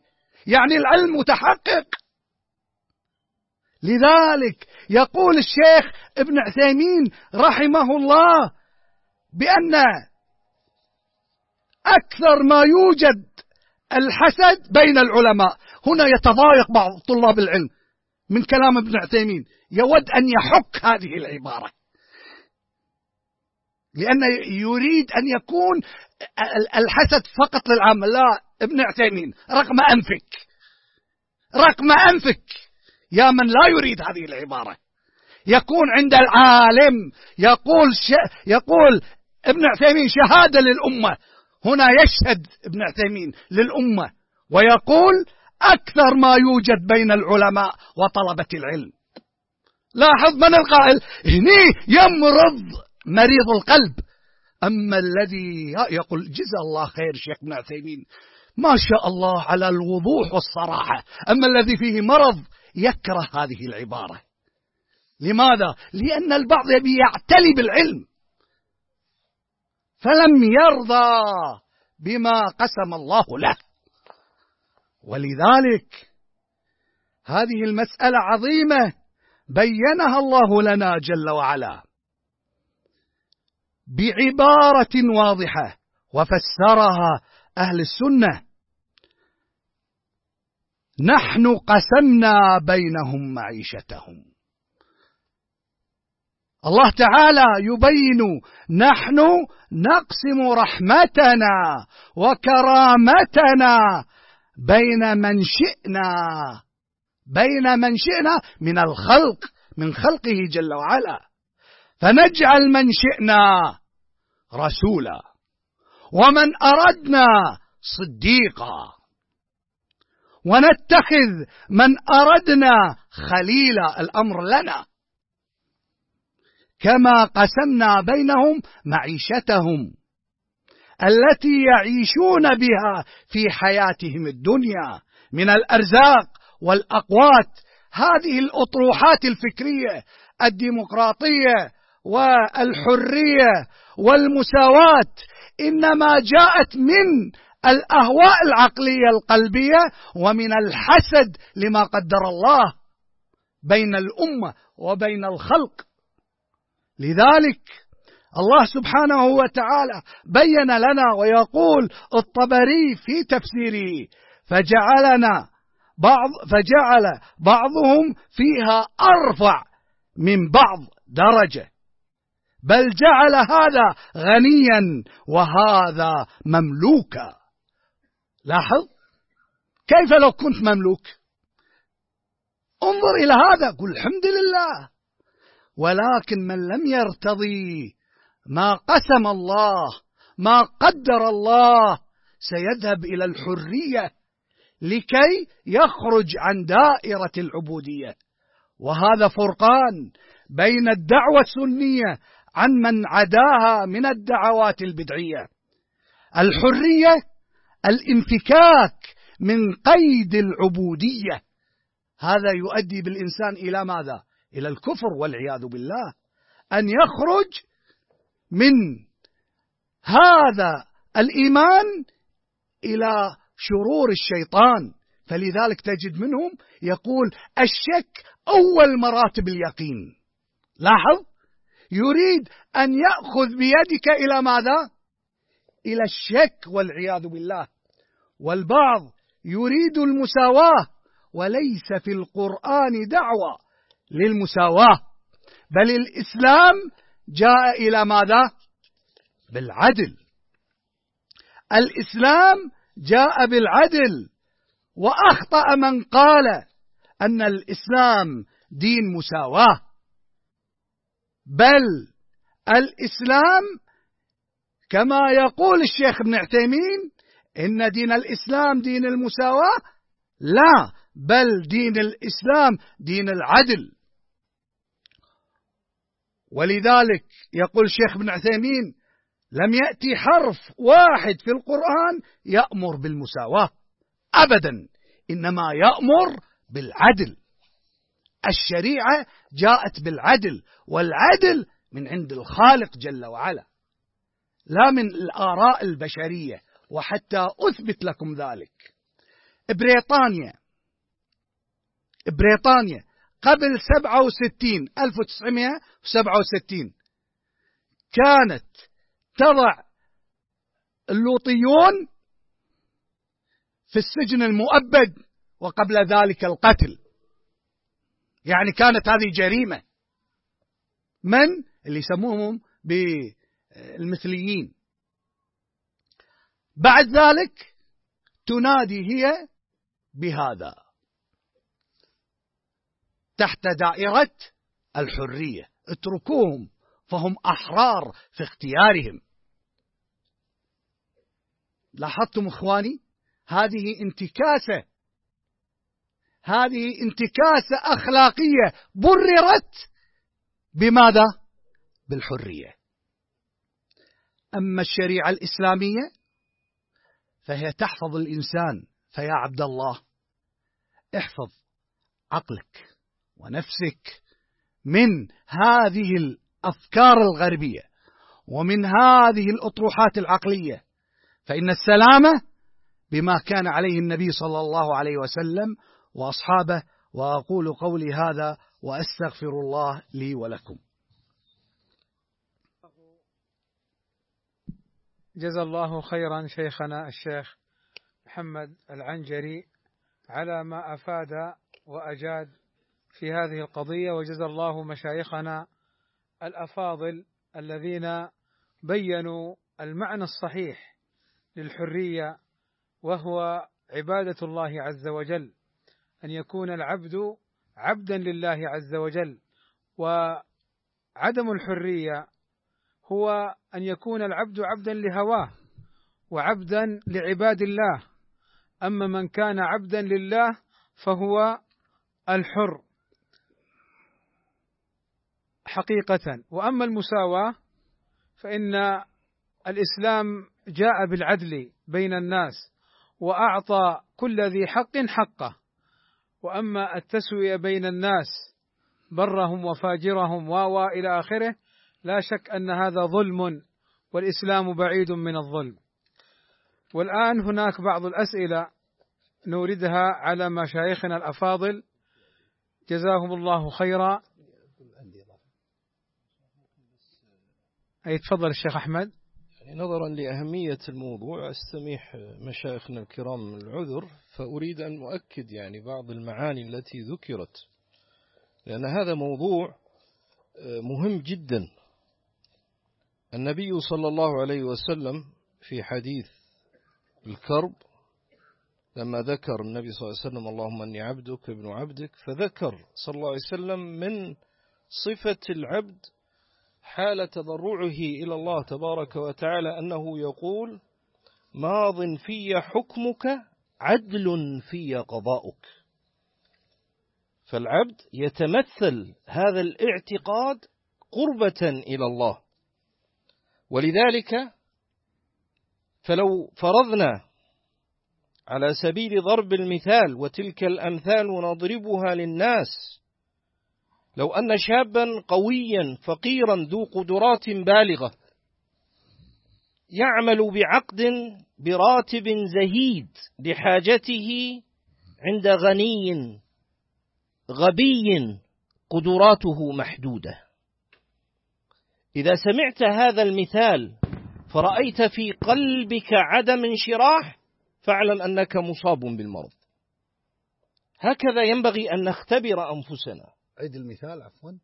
المثال لو أن شابا قويا ذكيا ذو قدرات بالغة بلي بالفقر يعمل عند غني غبي ذو قدرات محدودة بأجر زهيد. هل تشعر في قرارة نفسك أن هذا الأمر فيه شيء يقتضي نوع من الضيق؟ فأنت مصاب بمرض المساواة وبدعة العصر. ولذلك ربنا لأنه لم يرضى بحكم الله ولا بقدره.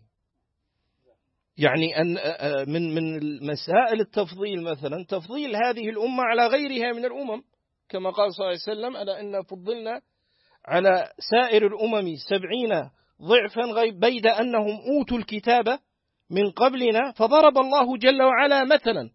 قال مثل هذه الأمة ومثل اليهود والنصارى كمثل رجل استأجر أجيرا فعمل إلى الظهر على درهم أو ما معناه. ثم كان هذا مثل اليهود. ثم جاءت النصارى فعملت إلى العصر على درهم. ثم جاءت هذه الأمة فعملت من العصر إلى المغرب مدة يسيرة على درهمين. فاشتكت اليهود والنصارى إلى الرب. لماذا؟ لأنهم مبتلين بهذا المرض. هذا المرض الذي قال الله تبارك وتعالى فيه وكذلك فتنا بعضهم ببعض.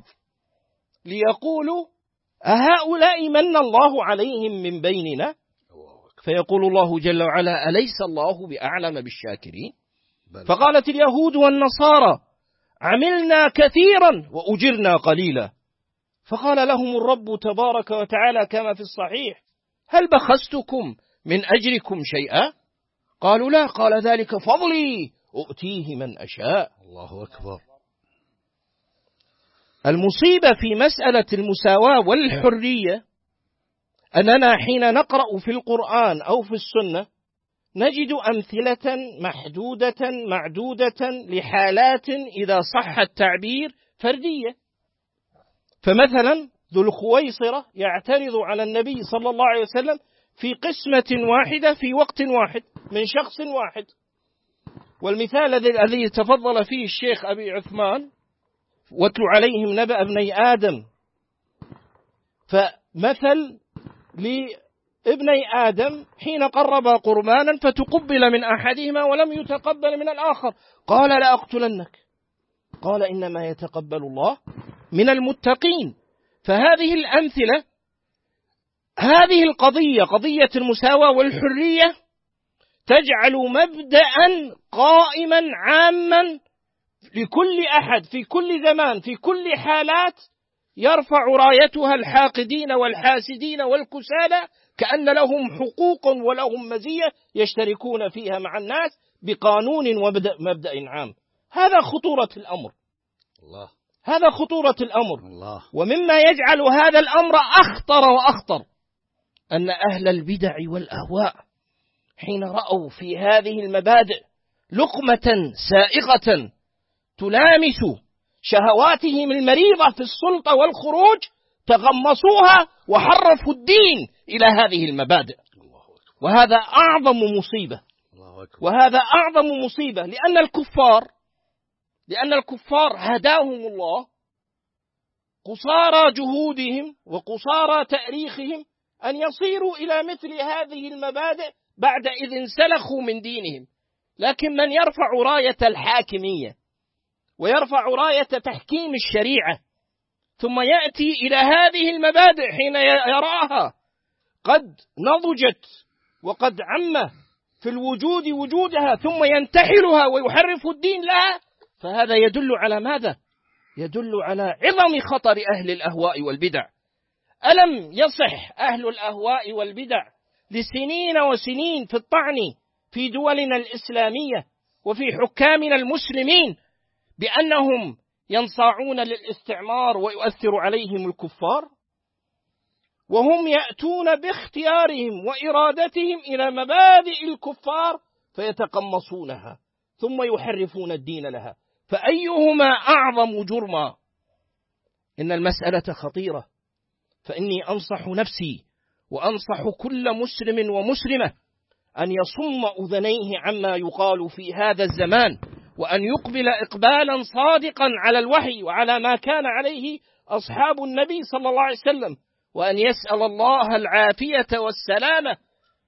فإن هذه الأمور مثل ما تفضل المشايخ خطرها على الإنسان قريب وقد رأينا في هذا الزمن بل في هذه السنيات من يزعم السنة والسلفية حين رآها تعارض ما هو عليه من رغبة في السلطة ورغبة في الأنا ماذا صنع؟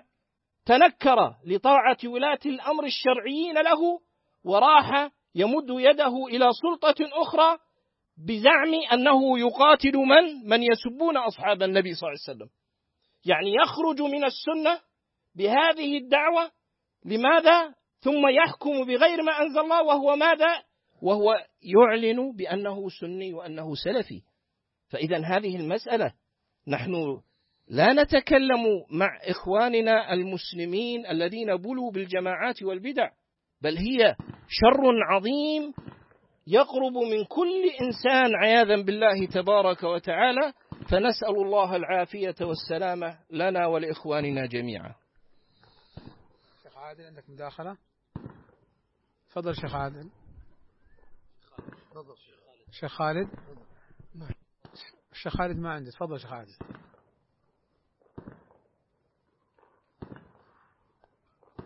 هذا ترحيب يعني كله. أقول بارك الله فيكم لا شك.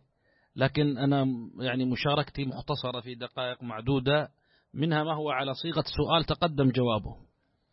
آه، إذا هذه المصطلحات أولا يختلف أربابها في تفسيرها ولها عند كل طائفة وقوم معنى. ثانيا هذه المصطلحات ينقسم أصحابها إلى كفار غير مسلمين وإلى مسلمين يستخدمونها ثم المسلمون هؤلاء منهم من قد حق فيه قول النبي صلى الله عليه وسلم لتأخذن أمتي ما أخذ الأمم قبلها شبرا بشبر. وقول صلى الله عليه وسلم لتتبعن سنن من كان قبلكم شبرا بشبر وذراعا بذراع حتى لو دخلوا جحر ضب لدخلتموه. قالوا يا رسول الله والنصارى قال فمن؟ ومنهم من يعلم بطلانها ولكن اتخذها صيدا وغنيمة من خلاله يستطيع أن يصل إلى السلطة وينازع أولي الأمر أمرهم. فهذا يجرنا إلى الأمر الثالث. وهو أن هؤلاء الذين يدعون إلى هذه المبادئ وإلى نشرها وإشاعتها أو يرفعون هذه الشعارات كلهم يتفقون على هدف واحد وهو أنهم يرفعونها ليصلوا إلى السلطة. وأن من أسباب ذلك عدم الرضاء بقضاء الله وقدره وعدم الرضا بحكمه وشرعه الرضا التام وما في صدورهم من الحسد والغل وحب الرئاسة والكبر على شرع الله وأمره. وذكرنا الشيخ أبو عثمان بقصة إبليس مع أبينا آدم إذ كان عنصر الحسد موجودا وعنصر الكبر على أمر الله تبارك وتعالى والتفضيل والمفاضلة. فهو رأى أنه أفضل وأنه لا يصح للفاضل أن يسجد لمن هو مفضول ولا أن يخضع له. وهذا قد هدم في الشرع ولله الحمد. ومن ذلك أنه يجب على الناس كما قال نسم لأبي الدرداء واسمع وأطع ولا تنازعن الأمر أهله وإن رأيت أنك أنت. يعني وإن رأيت أنك يعني أحق بهذه الولاية وأقدر على تصريف الأمور ممن جعل الله له هذا الأمر. وليتأملن في الأحاديث النبوية لوجدناها فيها ألفاظ نبوية النبي صلى الله عليه وسلم قصدها وما قصدها عبثا حاشاه بأبي هو وأمي عليه الصلاة والسلام. عبدا حبشيا. مجدع الأطراف كأن رأسه زبيبة. يعني ألفاظ يقول لك وإن رأيته في أدنى أدنى أدنى أدنى المراتب نسبا وخلقة وكل شيء ولكن الله أعطاه الملك وجعله ولي أمر عليك وأنت قرشي هاشم وجب عليك السمع والطاعة له. الله أكبر. هذه الألفاظ ما جاءت إلا ولها مقصد عظيم ولا شك من ألفاظ النبي صلى الله عليه وعلى آله وسلم. ولكن أختم فأقول الذي أحزن وهو أوليس أهل العلم وطلابه؟ أعرف الناس بالقدر من حيث النصوص الشرعية. أعرف الناس بالقدر من حيث مراتبه علما وكتابة ومشيئة وخلقا. أوليس يقررون ذلك ويصنفون فيه المصنفات؟ ويكتبون فيه المؤلفات فكيف تسلل إليهم أن تمرض قلوب بعضهم بالحسد إذا رأى غيره تقدم عليه وتكلم دونه؟ بل كيف يحسدون أهل الدنيا على دنياهم وقد آتاهم الله العلم؟ كيف يحسدون ولاة الأمر على مناصبهم وولاياتهم؟ ويحسدون أولي الأموال والثروة على ما آتاهم ويحسدون أولي المناصب والرئاسات على ما آتاهم وكيف يحسد بعضهم بعضا. ما هو السبب؟ أوليسوا قد قرأوا النصوص؟ أوليسوا قد قرروا مراتب القدر؟ فأين التدين بهذا القدر؟ أين ثمرته؟ أوليس ثمرة القدر التسليم والرضا؟ هل يغني عن المرء فقط ويكون تاما إيمانه بالقدر وهو يقرره ويكرره ويكتبه ويدرسه وصدره مشحون بالكبر وصدره مليء بالحسد. لما دخل هذا الخلل؟ ألا يكون هذا سؤالا يجب أن يسأله كل واحد منا نفسه؟ وكما تفضل أبو عثمان حفظه الله تعالى الشيخ العنجري لما ذكر قصة بني آدم ابني آدم في قربة تقرب أحدهما تقبل من أحدهما ولم يتقبل من الآخر. قال لأقتلنك. تصفية. وسبب بدايتها قربة وتدين لله تبارك وتعالى. فإذا نعلم من هذا أن العلم اليوم إذا جرد من ثمرته الحقيقية أصبح أضر من عدمه. العلم إذا جرد من ثمرته الحقيقية أصبح وجوده ضررا أضر من عدمه وهو الجهل التام البسيط. يصبح الضرر أعظم ويلبس الباطل كما تفضل الشيخ أحمد أن وجه الضرر ليس فقط أن هذه المبادئ أصلح بها الكفار بعض أوضاعهم الفاسدة أصلا فقللوا بعض المفاسد عندهم ولكن أراد أناس أن يدخلوا فساد هذه المصطلحات على شريعة رب العالمين. وأرادوا بها أن يخرجوا على ولاة أمر المسلمين وأرادوا بها أن يعارضوا الشرع وأرادوا بها أن يعاندوا القدر وكل هذا فهذا يدل على الخطورة. فنعلم أيها الإخوة للدارسين والدارسات وطلاب العلم والحريصين على حلقه وكتبه وتقييد فوائده وأوراقه أن هناك أمرا عظيما جدا ألا وهو أثر هذا العلم وثمرته. فيصح نفي العلم عن المرء إذا لم يعمل بثماره.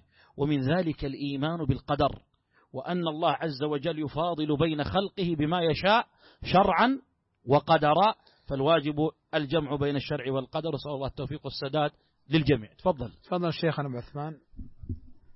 آه، أحد الجماعات الأفراد الجماعات السياسية الإسلامية يريد أن يبين معنى الحرية.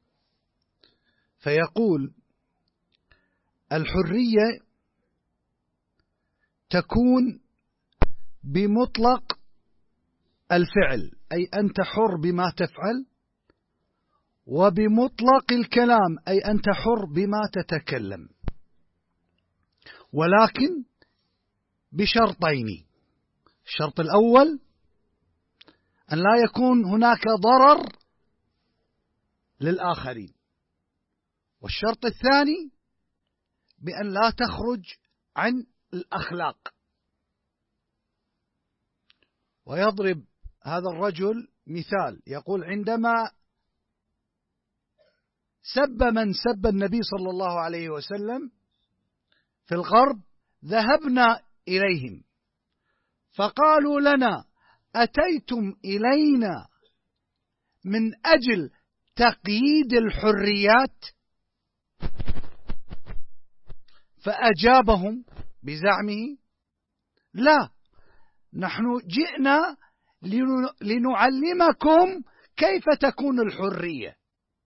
فقال الحرية يجب أن تصحب مع الأخلاق. يريد هنا أن يعرف الحرية. ما حدود الأخلاق؟ هذا سؤال مني له. شاطئ العراة؟ أم الزواج المثلي؟ أم الزنا من المحارم؟ ما حدود الحرية الأخلاقية. فهناك تباين. وأنا أقول كل هؤلاء الذين خرجوا إلى هذا المستوى من الطرح وهم بخلفيات شرعية دائما كانوا متأثرين بأهل الكلام والمنطق. فهؤلاء قروا هذه المواد ويعتقدون بأنفسهم بأنهم أذكياء. فيقرأ ويقرأ حتى يلين جانب الدعوة الأثرية في قلبه وفي نفسه وهو لا يدري. وشيخ الإسلام ابن تيمية يقول فإني كنت دائما أعلم أن المنطق اليوناني لا يحتاج إليه الذكي ولا ينتفع به البليد. انظر إلى توجيه شيخ الإسلام ابن تيمية. يقول لا حاجة لنا لهذه المدارس الفكرية المنطق المنطقية الفلسفية الكلامية. فيأتي الأثر يقرأ يقرأ يقرأ فلما تجلس معه تشعر بأثر قراءته على كلامه وعلى طرحه وعلى تهاونه. واضح. وهو لا يدري. ينظر إلى عقله كساقية تدار بين البساتين. كيف وصل إلى هذا؟ لأنه تسمم بالأطروحات اليونانية وهو لا يدري التي دست في بعض الكتب الشرعية. وهذه قضية مهمة يجب أن ينتبه لها السني. جزاك الله خير. جزاك الله خير تفضل شيخنا خالد. جزاهم الله خير. مشايخنا مشايخنا أفادوا وأجادوا. وأريد يعني أن أقول كلمة قصيرة جدا. ضرب الأمثل الأمثلة أو ضربت الأمثلة من مشايخنا كيف أن الإنسان قد يتحصل العلم ويبلغ مرتبة أن يكون عالما ويسمى عالما ولكن يحرم الفضل. وقد جاء في الحديث أن النبي صلى الله عليه وسلم قال أول من تسعر بهم النار يوم القيامة ثلاثة. ويؤتى بالعالم. هكذا الحديث. يؤتى بالعالم. فيقال له ماذا عملت فيما علمت؟ فيقول أي رب تعلمت العلم وعلمته للناس. فيقال له كذبت. وتقول الملائكة كذبت بل تعلمت ليقال عالم خذوه إلى النار. فسمى النبي صلى الله عليه وسلم هذا المعذب المستحق لأن يدخل النار الذي باشر تعليم الناس. سماه عالما وقيد إلى النار لأنه لم يعمل بعلمه. فإذا كان الله جل وعلا ابتلى بعض الناس ممن هم من أهل العلم ابتلاهم بأن أعطوا العلم وعلموا الناس وفسدت نياتهم كذلك الله جل وعلا قد أكرم أقواما بالعلم النافع علما وعملا حتى طهرت قلوبهم وارتقوا بالعلم إلى مراتب عالية في الجنان في الدنيا والآخرة. يروي أو يذكر الإمام الترمذي في كتاب العلل قال سألت محمدا عن حديث كذا وكذا فقال كذا وكذا ثم قال لي البخاري يقول لتلميذه الترمذي ما استفدت مني بأكثر مما استفدت منك. فيقر البخاري بفضل الترمذي عليه لأن هذا الرجل ممن أكرم بالعلم والعمل به. ويروي يحيى بن معين وغيره قال لله در أحمد بن حنبل صاحبناه خمسين سنة نتعلم منه فما افتخر علينا يوما بشيء. هذه عبر هذه عبر وأمثلة. العلم واحد. كما جاء في صحيح مسلم أن عمر بن الخطاب لقي رجلا أميرا على مكة. قال من استعملت على أهل الوادي؟ فقال ابن أبزة. يعني جعلت نائبي أميرا على مكة ابن أبزة. فقال استعملت على أهل الوادي عبدا؟ فقال يا أمير المؤمنين أما إنه حافظ لكتاب الله عالم بالفرائض. فقال عمر أما إذ قلت ذلك فإني سمعت رسول الله صلى الله عليه وسلم يقول إن الله يرفع بهذا الكتاب أقواما ويضع به آخرين. إن الله يرفع بهذا الكتاب أقواما ويضع به آخرين. ورحم الله الإمام ابن باز. لما سئل عن حديث أسماء إذا بلغت المرأة المحيض لم يصلح أن يرى منها إلا هذا وهذا. وكان بينه وبين الإمام الألباني الخلاف في المسألة في النقاب وعدمه وجوبا أو استحبابا. فضعف الحديث ثم قال الإمام ابن باز هذا قول أي تصحيح هذا الحديث قول شيخنا وحبيبنا في الله وأخونا محمد ناصر الدين الألباني. ورحم الله الألباني حين سئل عن ابن باز في أكثر من ثلاثة مواضع يقول هذه العبارة رجل ملأ علمه طباق الأرض وفي لفظ رجل ملأ علمه الدنيا فهكذا تجري مقادير الله وتجري حكمة الله.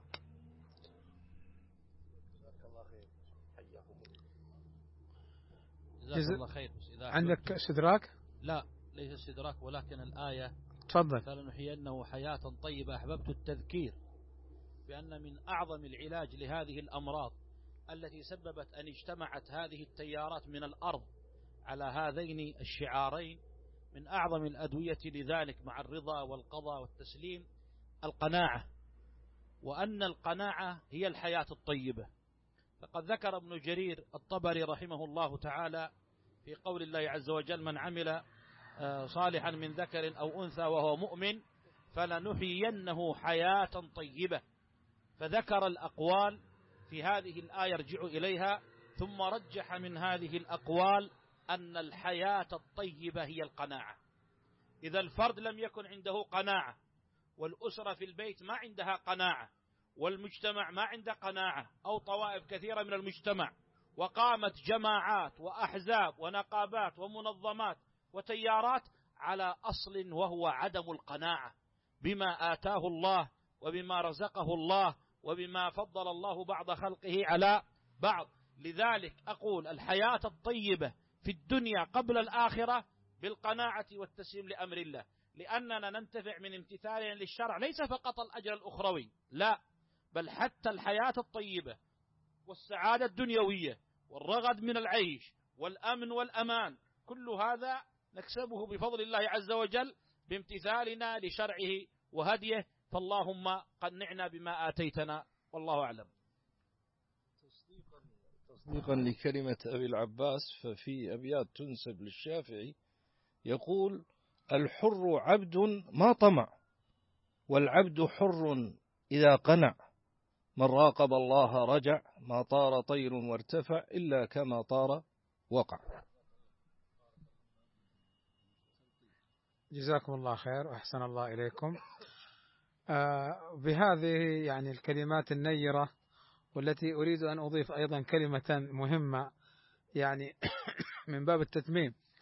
ذكرت والمشايخ يذكرون ما يتعلق بالعالم إذا خالف قوله فعله.